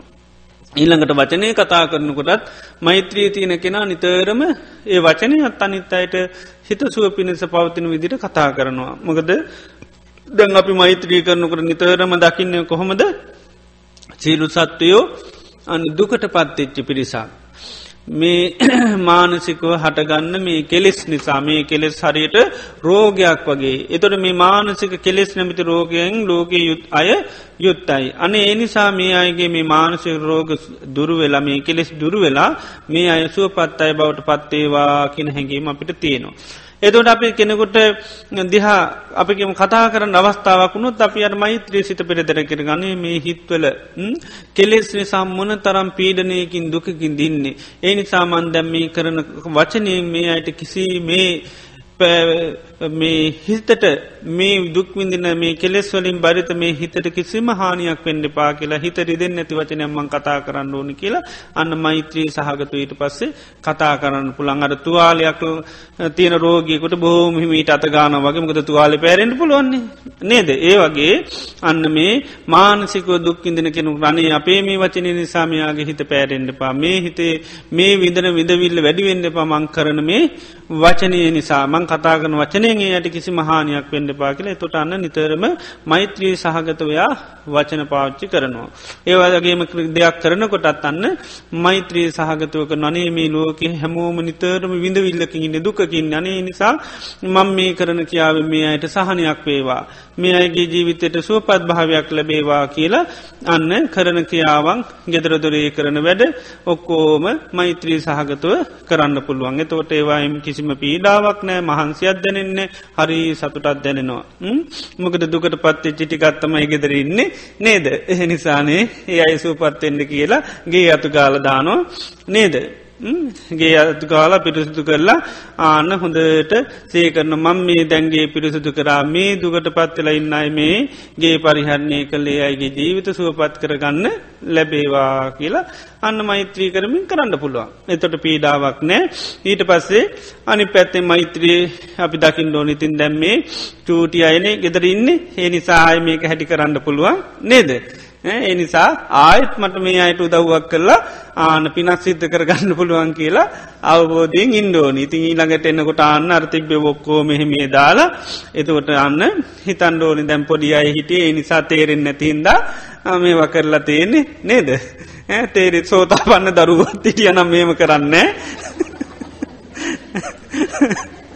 නේද? තාම සෝතා පන්නේම නෑන තාම චූටිනි. ඉතින් ඒ නිසා ඉතින් හැටි කරන්න පුළුවන් නොතේරුම්කමනි නේද? නැත්තං අම්ම භාවනා කරලෙනකොට හොඳර තියෙන් ඩෝනි ඒම දැනුමක් නෑ. තාම සෝතා පන්න නැතින්ද චූටියයින්නේ ඉතින් ඒ නිසා සමහාව දෙන්නයි තියෙන්නේ. ඉතින් සමාවදීලා ආයත්තේවා කරන්න ඕනි. තේවිදිහට අන්න හිතට අමනාපයක් තරහක් ඇති කරගන්නේ නැතුව අපිට කටයුතු කරන්න පුළුවන්. නිතරම හැමෝම පුද්ජලයන් දකිින් ඩෝනී මේ පුද්ජලයන්ගේ පස්්නයක් නොවේ. රෝග නිසා. එහෙම නැත්තන් චූටිකම නිසා. ඒ නිසා තමයි අසේවනාජ බාලානන් කියන්නේ. බාල කියන්නේ එකයි කෙලෙස් වැඩි වෙනකොට අය චූටි අය බවට පත්වෙනවා. ඉතිං ඒ නිසා චූටි අය හැටියට නිතරම දකිින් ඩෝනි මොනවානිකරොත් තාම චූටි කෙළ හිතන් පොඩිකාලය අප හිතේ චූටි බබාල කාලේ නේද? වැරදි කරන්න කරන්න අම්මල හිතන්නම ගදද. තාම චූටී කියල හිතනවා. ඒකන මෛත්‍රී කරනට අම්මගෙනෙක් වෙලා මෛත්‍රී කරන්න කියන්නේ එකයි. මාතා යතා නියම් පුත්තං ආයුෂායක පුත්ත මනුරක්කේ ඒවම්පි සබ්බ භූතේසු මාන සම්භාවේ අපරිමානං. අප්‍රමාණ ලෙස මෛත්‍රී සිත වඩන්න කියන කවරු වගේ වෙලාද අම්ම වෙලා අම්මගේ තියෙන ආකල්ප ගොඩත් තියෙන එක ආකල්පයත්තමයිමකක්ද සමහාව දෙන එක. නේද? නිතරම චූටී චූටී කිය කිය මොකද කරේ? සමහාව දුන්න. තොට පස්්නයන්න මොනවරි කරෙත් චූටි ඒක සුරතලයක් බෞඩක්වන්න දෙන්ඩෝනි නේද? කරන දේවල්වලට කියලා ඒ වගේ සුරතලයක් පාල අනේ ඉතින් බොනද කමට කරන දේවල් මේ කට්ටිය සෝතාපන්නුවත් කරන්න ඩෝනි කියලා හිතන්ඩෝනි ආනකයි ඉතින් ඒ විදිහට මේ චූටි කාලි අපි සමහාව දුන්නට ලොකු වෙනකොට සමහාව දෙන්න බැහැ. හේතු ඇයි. චූටි චූටිකම නැති වෙලායනවා කියල හිතෙනවා. නේද දැන් ලොකුයි. ලොකු නහම්මකද තියන්නේ ආන තේරෙනවා දැන් තේරෙන අය ආන අපිට ගරු කරන්න ඕනි අපි කියනේ වහන් ෝනි ඒ හර වැඩ හරියට කරන්න ඕනි අන්න ඒම එකක් අපිට එනවා එතොට පොඩිකාලේ වසුවාට ලොකු වෙනකොට ඉවසන්න බැහැ. ඉතින් ලොකු වෙනකොට වෙලා තියන්නේ තවත් ඊට වැඩි චූටි වෙලා. ඒමනුව නිසාද. කෙලෙස් නිසා. එතකොට ඔන්න අර පොඩි කාලය වගේ නෙවේ එතකොට මාන්‍ය පොඩ්ඩ පොඩ්ඩ හිතට එනවා අපි ස්වාදීන වෙන්ඩ ඕන කියලා අපි අනුන්ට යටත් හොඳ නෑ. ඒවගේ කෙලෙස් ගතිහි මතු වෙන එතකොට අන්න අරම්මලාට යටත්වෙන්න හොඳ නෑ කියල හිතෙනවා. නේද? කරදර කරගන්නවා කියල හිතෙනවා. විවිධ මානසික කෙලෙස් ගතියනකොට තමයි අර පස්සන තින්නේ තොරත් හිටියටත් වැඩී චූටි වැඩියම්ම සමහව දෙන්නඩෝනි පොඩිකාල්ටත් වැඩිය ලොකු වුණහම ආනකයි ලොකුළමයිට තමයි ගොඩා සමාව දෙනමක හොඳටම චූටි. ආනකයි ඇ චූටි නිසා කරගන්න වැඩ වැයි බැරි වෙලා තම්ම තාත්ත කරේ වෛරයක්වත් ඇති වුණොත්තේම ආන්න හරි පරපත්තලයි ඒ නිසා ගොඩා කනු කම්පා කරන්න ඕනි. මකද පොඩිකම වැඩිවුණොත්තේම හොඳටම දරුණු වෙනවා. ඒ නිසා බෝම පරිස්සමින් ආන්න කටයුතු කරන්න ඕනි. මොකද මේ අය අපි කරේ වෛරය තරහක් නො සතුටක් ඇති කරගත්තොත් සංසාර පුරාම ගෙනියන ප්‍රශ්නයක් වෙනවා. ඒ නිසා අන්න ඒක හිතා දරුණු තත්වයක් නිසා හොඳටම පොඩිය හැටියට දැකල සමහාව දෙන එකම තමයි කරන්න තියෙන්නේ. ඉතිේ නිසා නොතේරුම්කමට තමයි මේ ගෙවල් හැඩි කරලා තියෙන තේරුණා නංහෙම කරන්නේ නෑ. ඉති ඒකයි. ඒ නිසා මේ කෙලෙස් වලින් හිත දූෂණය වෙනකොට එක පැත්තකින් රෝගීන් වෙනවා අනිත් පැත්තකින් චූටි බබාල වෙනවා. ඉතින් ඒ නිසා ආන්න එක චූටි බබාල හැටියට දකිින් දෝනි එම නැත්තං රෝගීන් හැටියට දකිින් දෝනි. ඒ නිසා ඉතින් සමහාව දෙන්න ඕන තාම චූටී කියල්. ලොකුණ හමතමයි අනේ මේ හරියන් බැරි වෙලා සෝතාපන්නුනුත් ඔන්න හරි. සකදාගාමුණු තවත් හොඳයි. අනාගාමුණුත් ඒත් හොඳයි. රහත්තු නොත්නම් හොඳටම හොඳයි. ආයමකුත් පස්්නයක් නෑ ආයමකුත් කරතරයක් මුකුත් එන්නෙම නෑ ඉතිං එතකං චූටි. ආනකයි. ඒ නිසා මේ සමහාව දෙන්ඩයි තියෙන්නේ. ඉතිේ එතකොට මෛත්‍රිය කියන අපිට කායකර්ම වචී කර්ම මනෝ කර්ම වසයෙන් නිතරම දියුණු කරන්න පුළුවන්. ඉතිේ නිසා සමාජයේ ජීවත්වෙනකොට පුද්ගලයන් නිවැරදිව හඳුනා ගත්තොත් අපිට ආන්න කටයුතු කරන්න ඉතාමත්ම පහසුයි. අපි හඳුනාගෙනම තියන්නේ මොනාය හැටිර්ද. දැන තේරෙන දැන උගත් අය අපිට සලකන්න ඕනි අපි ගරු කරන්න ඕනි අපි අගයන්න ඕනි අපි පිළිගන්න ඕනි. මහාවිදියට අපි ඒ අයකින් බලාපොරතු ගොඩාත්‍යයාගෙන හඳුනාගෙන ඒව නොලබෙන තැනමකද වෙන්නේ. ආන්න එමන්න. ඒ නිසා මේක තමන්ට විතරත් තියෙන වගකීමක් ඇටිට දකින්න ඕනි.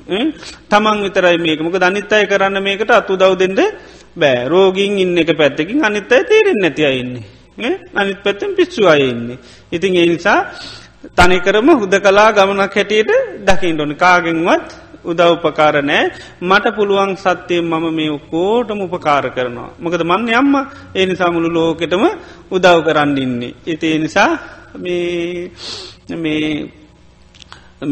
අපිට ලෝකින් කිසි බලාපොරොත්තුවත් තියාගන්න ඇතුව කටයුතු කරන්න ඕන. අනිත් අයට මේ වගකීම නෑ මගේ වගකීම තමයි ඔක්කොම හැටියට දාගෙන පුළුවන් තරමට කරනවා. ඊළඟට අපි වගකීම් සහිතුව කරපු දේ අනිත් ඒක අන්න නැති නාතය කරන්න පුළන් විනාස කරන්න පුළන් එත නිද අපිට ඉන්ඩුවන අනේ නොතේරුම්කමට කරගත්ත දෙයක් ඉතින් අප මොනො කරන්නද ආන්නේකයි. ඒ නිසා මේ තාම ජෝටී කියල සමහාව දෙන්නයි තියෙන්නේ මේ කෙලෙස් වලින් හිත දූෂණය වෙන්න වෙන්න පොඩි අය බවට පත්වෙනු ඇරෙන ලොකු අය බවට පත්වෙන්නේ නැහැ. පොඩි අය යම්සේ කියාකාරකන්ද කරන්නේ කෙලෙස් සහගත සිතත් ඒ ආකාරකම්ම තමයි කරන්න. ඉතින් ඒ නිසා හොඳට දකිින් ඕනි කෙලෙස් සහිත මනස කියන්නේ චූටි. ඉතිේ නිසා මොනහරි වෙනකොට තාම චූටී කිලිතන්. ආන්න එක තාම චූටි ඉතින් පොඩිකාලය අපි සමාහදුන් නෙමෙන නේද. චූටි අඇත එතේරෙන්නෑ කිලි අපි කියන තාම චූටි ඒනිසා සමහාව දෙනවා. ඉළඟට එක දරුවක් කිටියත් ඒත් එකා කිය කිය සමාව දෙනවා. ඉතිේ නිසා මේ අයටත් ඒකයි මේ ඒ විදිී අම්මගේ ආකල්පයකින් මේ ලෝකයාදිහා බලල මෛත්‍රී කරන්න කියන්නේ එකයි සමහාව දෙන්න කියන එකයි. පුළුවන් තරම් සමහාව දෙන්න තරමටම මේ වැඩේ ඉක්මනින්ම කරගෙන යන්න පුළුවන්. ඒ නිසා කරන කරන හැමදේකටම සමහාවදීම හැර වෙන කරන්න දෙයන්න ඇමකද චූටියට දැනෝගත්කන් දෙන්න පුළන්ද. බෑ. ඒ වගේ තමයි කෙලෙස් සහගත මනසින් කරන දේවල්ලොට අපි කොච්චර කැහැ ගැව්වත් බැන්නත් ලේසිංගව හැදෙන්නේ නැහැ. ඉතින් ඒ නිසා සමහාවදීම තුළ එතරාපමානයකට හෝ කාලානුරූප අපිට කරන්න පුළුවන්. අවවාදන් ශාසනා දෙන්න පාකිනක නෙව ඒවා සුදුසු තැන්න හිත් නිමුණ හම ඕන තරං අවවාදන් ශාසනා දුන්නට කමන්න. නිවැරදි වියයුතු තැන්ති ඕන නිවැරදි වෙන්ඩ නිදහසට කාරුණාකිවට කමන්න ඒවා චෝදනා කරන වෙලාවල අපහස කරන වෙලාවල් දැනීමේ අන්න හිත් නිවිච්චි වෙලාක තමයි ඒවා කරන්නට ඕන. ඉතින් ඒ නිසා මෛත්‍රී භාවනාව කියන එක සාමානයෙන් එදිනෙදා බොහොම පහසුවෙන් කරගන්න පුළුවන් එතොට ගෙදෙර දුරේ කරන වැඩ පවාපිට බොහෝම මහන්සේකින් තොරව බොහොම සතුටින් ඒවා කරන්න පුළන් ඒ වගේ මොක්කොම ඒවා පින බවට පත්වෙනවා. ඒතුර ගයක් අතු ගාව වෙන්නේ නෑ ඒ නිසා ඒවා සම්පූර්ණම තමම් මෛත්‍රී සහගත කරපු ගං ඒවා පිනක් බවට අත්තමන්ට පත්වෙනවා. ඉති ඒ නිසා හොඳට මේ සංසාරයේ ඉපදිච්චි අයමේ මේ ඉන්න මේ ඔක්කෝගම හිත්වලනේ කෙලෙස් තියෙන මේ ඔක්කම දුකට පත්වෙලා ඉතින් අපිට දැම් මාත්‍ය වසයෙන් දරුව වසයෙන් අම්ම තාත්ත වසයෙන් නෝන වසයෙන් නොඒක විදියට ඇවිල්ල හිටට මේ සංසාරගත කෙලෙස් සහිත හිත්තිය නාය අනේ මේ ඔක්කොම අසරනයි දුකට පත්වෙච්චය එනිසා මේ අයගේ ජීවිතවල තින මේ කෙලෙස් නැතිවෙලා සුවපත්වේ වය නිසා මගේ වචනය මේ අගේ කෙලෙස් ඇවිස්සෙන්න්න එපා. මගේ ක්‍රියාවක මේ අගේ කෙලෙස් ඇවිස්සෙන්න්න එපා.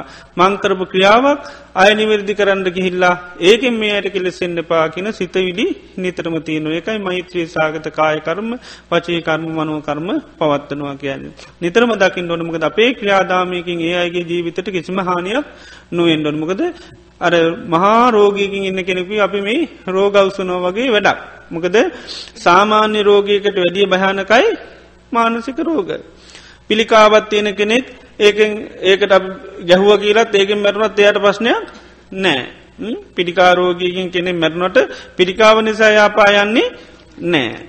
ඒකයි පිළිකාව නිසා අපහා යන්නේ නෑ අපා යන්නේ එයාගේ මානසික දුරලතාවත් තිබ්බත් ප්‍රමණ හැබැයි අප කරේ වෛරෙන් ඉන්න කෙනෙක් මැරුණු එයා තමයි අපා යන්න තුට අපි පිළිකාරෝගයාරද ගොඩා කනුකම්පා කරන්න ඕන අපි කරේ වෛරඉන්න කෙනරද. ආන වෛරයෙන් ඉන්න කෙනට තමයි හරියටම අනුකම්පා කරන ඕන කරන්න ඕන. මකද පිළිකාව නිසා විඳවන්න මේ ජීවිත විතර වෛර නිසා විඳවන්න කල්පගාන. ආනකයි ඒ කෙනෙකුේ දුෂ්ට හිතාක් ඇති කරගෙන නොේ නපුරුකං කරලා කපටිකං කරලා නොයේ දේවල් කරලා ඒකට ගන්න කර්ම ශක්තිය එයා කල්පගානක් සංසාරි විඳවන්න වෙනවා.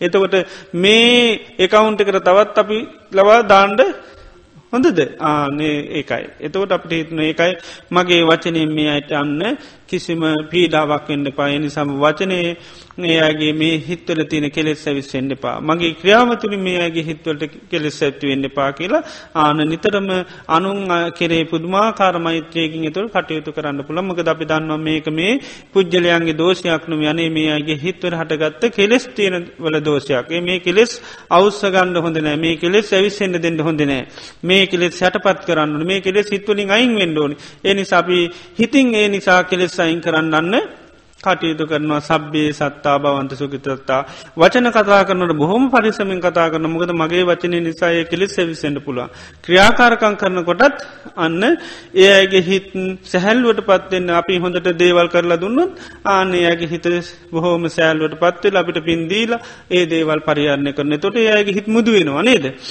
අපි හොඳට හැම දේම කරලා දෙනකට මොක දෙන්න අර දරුණු හිත් මුරුදු වෙලායනවා ආනකයි අනුම ගාන ටැංකිව හරි කියලයනවානේ නේද ආන්නේකයි. එතෝටත් හොඳ ඒකටට ආන්න.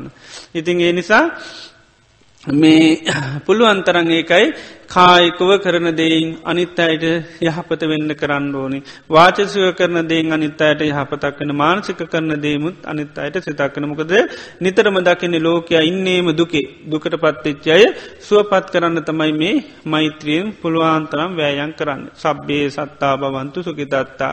එනිසා අර දුකට පත්තිච්චි ස්වභාව හොඳට දකින්න ඕනි ස්මතු කරලා ගන්න ඕනි කෙලෙස්වල තියෙන දරුණුකම පීත් කතා කර මනුසයන්ගේ හිත්වලට ආපුහම් මොනතරම් දරුණු වෙනවදේ අයි මොන තරං අසරණ වෙලා යනවද කෙරෙස් හටගත්තාම ඒ නිසා එමුදු කෙලෙස් වර්ධනය වෙන විදියට අපි කටයුතු කරන්න හොඳ නෑ. ඒ නිසා මෛත්‍රී භාවනාවදි කරන්නේ එකයි ඒ අයිගේ හිත්වල තියෙන වෛරේ දේශය තරහා අවමෙනවා. අපේ හිත්තර තියෙන වෛරේ තරහා දේශය අඩුනාම ඒ අපේ සිතේ වෛරේ තරහා දේශය අමනාපකං අඩු කරගන්න තමයි අපි මෛත්‍රී භාවනාවේ විදිට කරන්න. එනිසා අපි පික්කරප ක්‍රියාවත්තුලින් අපි අයවෛරයක් තරහක් මේ දෝසාරෝපනයක් කරන්න හොඳ නැතිේවා අපි මේ බැරියට කරලා දෙන්නේ. නිසා බැරියට කරලා දුන්න එකට අය කට්ටියකට උදව් ලැබෙන්නේ නෑ ඒක දකින්න ඕනේ. එකගේ අත්දුරක් කතු කයවත් ඒ මේ නොතේරෙනයට අපි අපට තේරනින්ද මේ පිරිසිදු හිටියත් ලෝක හරි හොඳයි.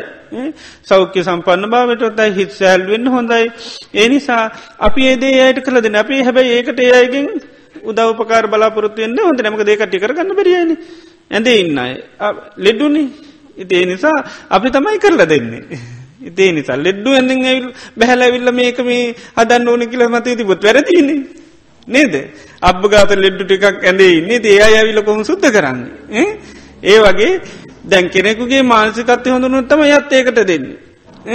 ඒ ඒ පිළිබඳ වටනාකම දැක්කුත් එමුද හිතකට තමයි අර හොඳ ක්‍රියාවට අනු බලදීලා ඒක පවත්තකන යන්න උදව් කරන්න ඉතින් එහෙම නැතුව වෙනස් කෙලේශ වලින් ඉන්නකොට මේ කාරක විතරයි සිහිය තියෙනකොට ගෙවල් මතකනෑ එයා කාරක සුද්දකර කරින්දී. ඒමන වෙන්නේ නේද. එතකට ගෙවල් අතු ගන්නෙන්නේ නෑ. වටින්නේ කාඩක ඉන්න කාටක සුද්ද කර කරන්න එහමනි. කාරක ෝදනවා කාරකට කුණු දැම්මොත්තම යොන්න. කේන්තියන්නේ අනිත් ගෙවල් මන වනත් සමහට පස්්නයක් නැහැ. ඉති ඒක එක්කනාගේ අර වටිනාකං අනුව දැකව. ඉතින් කෙලෙස්න. නේද?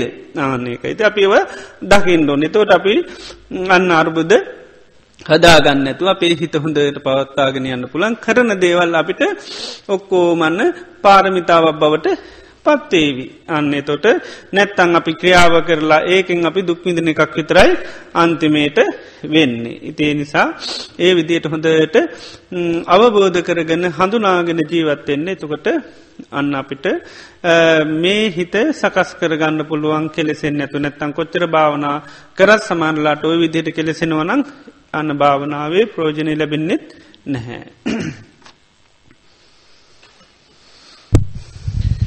ගරුතර ස්වාමින් වහන්ස එක්තරා කරුණකට හිත කලකිරීගෙන යන අවස්ථාවේදී බුද්ධ දේශනාව අනුව ඔබ වහන්සේගේ අවවාද අනුශාසනා ඇතිව තින්න සංගති පස්සෝ යන ධර්මපදයේ අනුව මෙනෙහි කරමින් හේතුඵල දහමක් ලෙස දකිමින් මේ ස්පර්ශය වේදනා සංඥා සංකාර විඥාන හරහා හේතුඵල දහමක්සේ අවබෝධ වී මේන් ධර්මතා තුනක් අවබෝධ විය.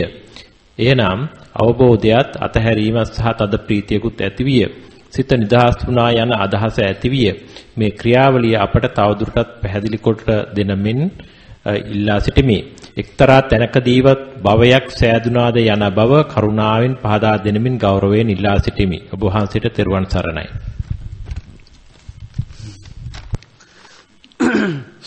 බුදුරජාණන් වහන්සේ අර දුක කියන එක දැන් ලෝකයේ බුදුරජාණන් වහන්සේ කාලේ නිතරම තිබුණු සම්මතයක් තමයි දුක් විඳිනවා කියනකොට ඒක තමන් කරගත්ත එකක් කියන මතයක සයං කතන්දුකන්දුක තමන් කරගත්ත එකක්. එහම නැත්තං පරංකතම් මේ අනුන් කරපු එකක්. එහම නැත්තං දෙගල් එකතු වෙලා කරපු දෙයක්. ඊළඟට අධිච්ච සමුපන්නන් එහම නැත්තං හේතුවක් නෑ කරන්න දෙයන්න ඉබේ වෙන දෙයක් හැටියට කියනවා. ඉතින් ඒ විදිහේ අර දුක් විඳිනකොට බුදුරජාණන් වහන්සේ කාලේ ඒ මතවල තමයි මිනිස්සු හිටිය. ඉතින් බුදුරජාණන් වහන්සේ පෙන්න්නනවා මේ දුක කියන්නේ තමා කරා කියලා බලනවත්නවේ අනුන් කරනවත්නේ මේ දුක කරානංකරේ ආන්න ස්පර්ශයෙන් විඳනවානම් විඳින්නේ දෙක් ඒත් ස්පර්ශයෙන් ඒකයි. කෙනෙක් කියනවනන් තමා කරා කියලා ඒ කරල ඒකත් අන්‍යත්‍ර පච්චයා ස්පර්ශයෙන් තොරව වෙන්න නෑ කියනවා. තමන් කරා කියලා කිවත් ඒත් ස්පර්ශයෙන් තමයි වෙලා තියෙන්නේ. දැන් අපට අතීතේ කර්මයක් හැදිල තියෙනනගේ හැදිල තියෙන්නේ චක්කුම් පටිච්ච රූපේට උපද්ජති චක්කු විඤ්ඥාන තින්නන් සංගති පස්සෝ. අන ස්පර්ශය වන පස්ස පච්චයා වේදනාව කටගත්ත වේදනා පච්චයා තන්නා තන්නා පච්චයා උපාදාන. උපාදාන පච්චයා බහෝ ඒ විදිහට එම නැත්තං යම් වේදේති යමක් විඳීත සංසංජානාතයක හඳුන ගන්නවා යන් සංජානාතය යමක් හඳු තන්චේතයක තමයි චේතනා කරන චේතනා කිරීම තුළ තමයි කර්මය කියන එක සකස් වෙන්නේ.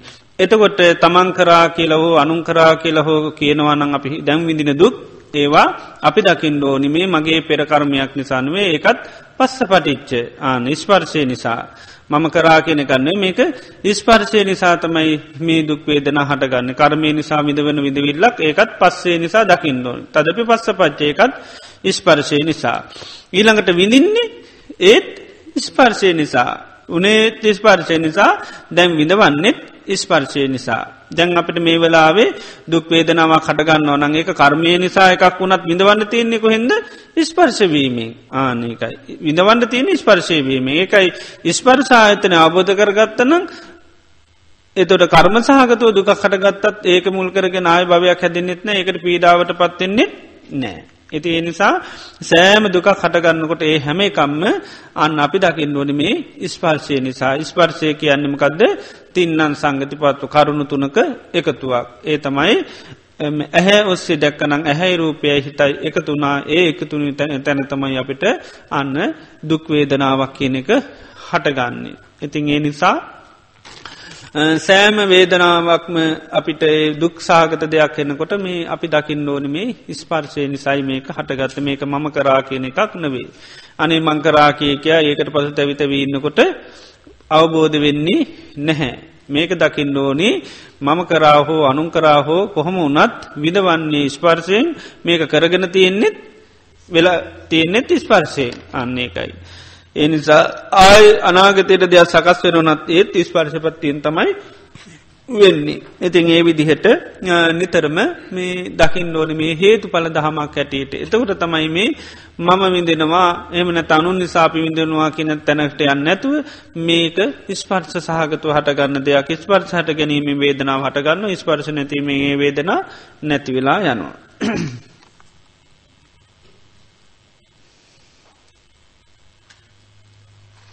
ඉතිං අර මේ ඉස්පර්ස සහගත හටගන්න වේදනාවට අපේ හිත බැඳුණුත් නිතරමකද වෙන්නේ අන්න භවයක් කියන එක නිතරම හැදෙනවා. ඒක ඉස්පර්ශයෙන් හටගන්න සෑම වේදනාවට හිත බැඳිචේක මම්මකද වෙන්නේ ඒ ඒ එක්ක අපිට නිතරම භවය කියනෙක හැතිවෙනවා. පස්ස පච්චයා වේදනා වේදන පච්චයා තන්නා තන්නා පච්චයා උපාදාන උපාදාන පච්චයා බව. එතේ නිසා ඇහෙන් දැක්ක දෙයක් වෙන්න පුළුවන් කනෙන් ඇහිච්ච දෙයක් නාසයෙන් ඉන්දු අසලායතනයම්ගින්ම විවිධාකාර දුක්ක සහගත නිමිති හටගන්නවා රූප වසයෙන් සද්ධ වසයෙන් ගඳ සුවඳ රස නොඒකාකාරයෙන් හටගන්න. ඒ ඔක්කෝටම හටගන්න මේ ස්පර්ශයෙන් හටගත්ත ඒ දුක සැප වේදනාවලට හිත බැඳ ඒවාට අපේ සාමාන්‍යෙන් හිත ආස කරන ආසකර ගත්ත අතන හිත බැඳනවා බැඳිචිකවන් ආය හැදින්නේ භවයක්. හිතේ නිසා මේ අපි අර ඉස්පර්ශයෙන් හඳුනාගන මේක ස්පර්ශයනි සහටගත්ත දෙයක් හැටියට දුක් වේදනාවක් හටගන්නකොට හඳුනාගෙන ස්පර්ශය අනිත්‍ය දුක්කනාත්ම වශයෙන් එම නැත මේක සංකත ධර්මයක්. මේ සංකතය කියන්න මේක උපදීමත් තියෙන්නේ වෙනසීමත් තියෙන්නේ වෙනස්වමින් පැවතීමත් තියෙන්නේ. ඒ නිසා මේ අනිච්චත සංකත ධර්මයක් නිසාහටගත්ත මේ දුක්වේදනාව නිත්ති වෙන නෑ මේකත් සංකතයක්. මේකත් වෙනස් වෙලා නැති වෙලා යනවා කියලා එවිදිහට අන්න අපිට භාවනාවසයෙන් වඩන්න පන එතොට භවය හැදින්නේ නෑ. එතොට අන්න ස්පර්ශයෙන් හටගත්ත වේදනාව තුළින් භවය හදාගන්න නැතුව අපිට ඒකෙන් නිදහස් වෙන මාර්ගය හදාගන්න පුළුවන්. ගරු ස්වාමින් වහන්සේ කායානුපස්සනාවේදී චිත්ත පරිසංවේදී අස්ස සිස්සාමිති සික්කති චිත්ත පරිසංවේදී පස්ස සිස්සාමිති සික්කති යන වදන් සරලව පැහැදිලි කර දෙනමින් කද්දා කරුණාවෙන් ඉල්ලා සිටිමි. ත්වන් සරණයි. ආනාපාන සතිය සතර සතිපට්ඨාන වසයෙන් වඩන්න පුළුවන් එතනිදී ආනාපාන සතියත් එක්ක ඇතිවෙන ස්වභාවයන් මේ හඳුනාගෙන කායානු පස්සනා චිත්තා වේදනානු පස්සනා චිත්තානු පස්සනා වසයෙන් කායානු පස්සනා වසයෙන් තමයි හුස්මවල දිග කෙටි බව හඳුනාගන්නවා හුස හුස්මී තියෙන අඩුලූඩු කන්දර ගන්නවා. ඊළඟට මුළු හුස්ම පිළිබඳව සිහ පීට ගන්න එතන කායානු පස්සනා ඊළඟට ඒ අපිට වේදනා ඇති නොම හිත තැන්පත්වෙන්ට තැන්පත්වෙන්ට ඒකයි සුකං වේදන වේදියමානු සුකං වේදන වේදයාමීති ප මේ දී මොකදද? පීති පරි සංවේදී අස සිස්සාමීති සික්කති පීති පරි සංවේදී පස සිසා ප්‍රීති ඇතිවෙන මේ හිත තැන්පත්වෙනකොට මේ ආස්වාස පාර්ශවාසවර එතකොට යා ඒ ප්‍රීතිය පිළිබඳව හොඳට හඳුනා දැන් හිතේ ප්‍රීතිය තියෙනවා. ඒත් එයා ආස්වාස පාස්වා සත්තරන්න ඒ පිළිබඳව දැනුවත් භාවෙන් ඒත් හුස්ම දෙයාම් බලානින්වා එතොට ඒ ප්‍රීති ආදී නැතිවල ඊට පස්සේ එයාට ඉරිජුවම හමුවෙන් ඊට පස්සේ සිත හම්බින එතොට චිත්ත පට සංවේදී එතොට සිතේ වෙනස්කන්තිය අභිපමෝදයන් චිත්තං සිත පමුදිත භාවයට පත්වන. තොට ඒ ස්වභාවය හඳුනගෙන ආනයා මේ භාවනා කරන එතට චිත්ත සංකාර පටිසයි තොට යා දන්න සිත කියලා යායට අල්ලන්ට තිනෙක්කු වේදනා එක්කෝ සංඥා. එතොට චිත්ත සංකාර කියන්නේ එකයි වේදනා සංඥා තුළ තමයි මේ සිත කියල එකක් අල්ලන්න තියනේ නිසා එකයි චිත්ත පටි සංවේදී අස සිස්සාමීත සික්කති චිත්ත පටි සංවේදී පස සිස්සාමීත සික්කති කියල. ඒ විදිහට ආනාපාන සතිය තුළම සතර සතිපට්ටාන වැඩෙන විදිහට කරගෙන යන්න පුළුවන්. ඒතනදි දේශනා කරන්නේ බලගතු සීහත් තියනට මේ වෙනස්කම් අවබෝධ කරගෙන කරගෙන යන්න.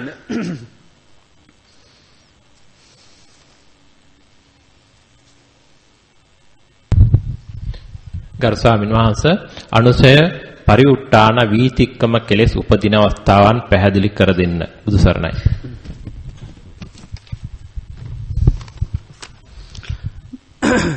අනුශය කියලකෙන අභ්‍යන්තිරිකව තැන්පත්වෙලා තින කෙලෙස් සමහර කාලවලදී අපි අවබෝධයන් විශේෂෙන් ගත්තහම ජානාදී දේවල් දියුණු කරපුහාම කෙලෙස්මකද වෙන්න සම්පූර්ණ යට වෙලා යනවා ඒවාලු යට ගිනි වගේ හැබැයි තියෙනවා හේතු මතුවෙච්චි ගමන් ඒවා ඉස්මත් වෙලනවා. පරිුට්ටාන කියන්නේ වර්තමානය නැගී සිටින කෙලෙස්. ඊළඟට වීතික්කම කියන්න අපි ඒවා පාවිච්චි කරනකොට විධ කෙලෙස් ඇතිවනේ වතමයි වීතික්කම අවස්ථා කෙලෙස්වල මේ ක්‍රියාවක් කරනකොටම කෙලෙස් ගතිමත් වෙන ඒවිලාවේ හඳුනාගෙන එතනිදී ඒ කෙලෙස් නැති කරගන්න පුළුවන්. එතොට මේ කෙලෙස් සමහරවා අපි පාච්චි කිරීමේදීත් නැති කරන්න පුළුවන් නැගී සින්න කොටත් පුළුවන් ඒළඟට ඇතුලාන්තය තිනෙවා අන්න අපි අර ආදීනුව සිහි කරනකොටේ ඇතුලාන්තේ තියෙන කෙලෙක් අපිට අයින් කරල දාන්න පුළුවන්. ස්චෙත් අභ්‍යන්තරයේ සැඟවිලා තියෙන කෙලෙස් ගති. දැන් ඒවා සමරලාට අනු නූපං කෙලෙස් සැටියට කියන්නේ තාම ඉපදිල නැමුත් ඇතුලාන්තය තියෙනවා ඒවා පිළිබඳුවත් අපි ආදීනුව සිහිකරනකොටයි අන්න කාදාක නූපදින තත්ත්වයටම පත් කරලා එහෙමම අයින් කරන්න පුළුවන්කම ලැබෙනු. අවසාන ප්‍රශ්නය ගරස්වාමින් වහන්ස බුදුන් වහන්සේගේ දෙසැත්තෑ ඥාන ධර්ම ගැන විස්තර පාදා දෙන ලෙස කරුණාවෙන් ඉල්ලා සිටිමි. ගිලම් පස ටිකක් එම අරන්ගෙන්ද ගෙවල් වලට ඉස්සල්ල කෝල්දීල ඉන්ඩ මොකද ඥාන ඇත්තෑ ගන කියන්ති නන්න නේද? ඇත්ත දෙකයි. ඒ නිසා ඉස්සල්ල ගෙවල් වලට කෝල් දීලා ගිලම් පස්තියක් එම ගෙනල්ලා වාඩිවෙල කතා කරු නේද? ඒනම් එක ලේසි එකක් නෙවී ඒ නිසා පොතක් කරන් තමයි බලන්නුවෙන් කියන්න ගියොත් ගොඩාක් තියෙනවා. ඉතින් සාමාන්‍යයෙන් ගත්තොත් ඒ ධර්මතා පිළිබඳව දැන්ගත්ත හම බුදුරජාණන් වහන්සේට හැම ධර්මතාවයකම අවබෝධයක් තියෙනවා. ආනේවට තමයි ඥාන කියල කියන්නේ. විවිධ ධර්මතාලෝකයේ තියෙනවා භාවනා කරනකට විවිධ චිත්ත ස්වභාවයන් හටගන්නවා විවිධ හැකියාවල් ඇතිවන ආනේ හැකියාවල්වලට වෙන්වෙන්වෙන්වෙන් වසයෙන් නන්දාලා අන්නේවා තමයි අපි ඥාන හැටියට කියන්නේ. අපි එකක් වේකයි භාවනා කරනකොට කලකිරීම. එක තමයි නිබ්බිධාන අනේ වගේ මේ විවිධ අවස්ථාවලදී මේ හේතු පල දහම ආදී පිළිබඳව මේ ඒවා හමේ අවබෝධ කරන කරනුවට වැටහීම කිලේනවා. ඒ වැටහීමට දානකත්තමයි අපි ඥානය කියනෙක විවිධ වැටහීම් වෙනවා. ඒ වැටහීම් වලට ඥාන දානයව තමයි සෙසැත්තෑ ඥාන වසයෙන් සඳහන් වෙන්න.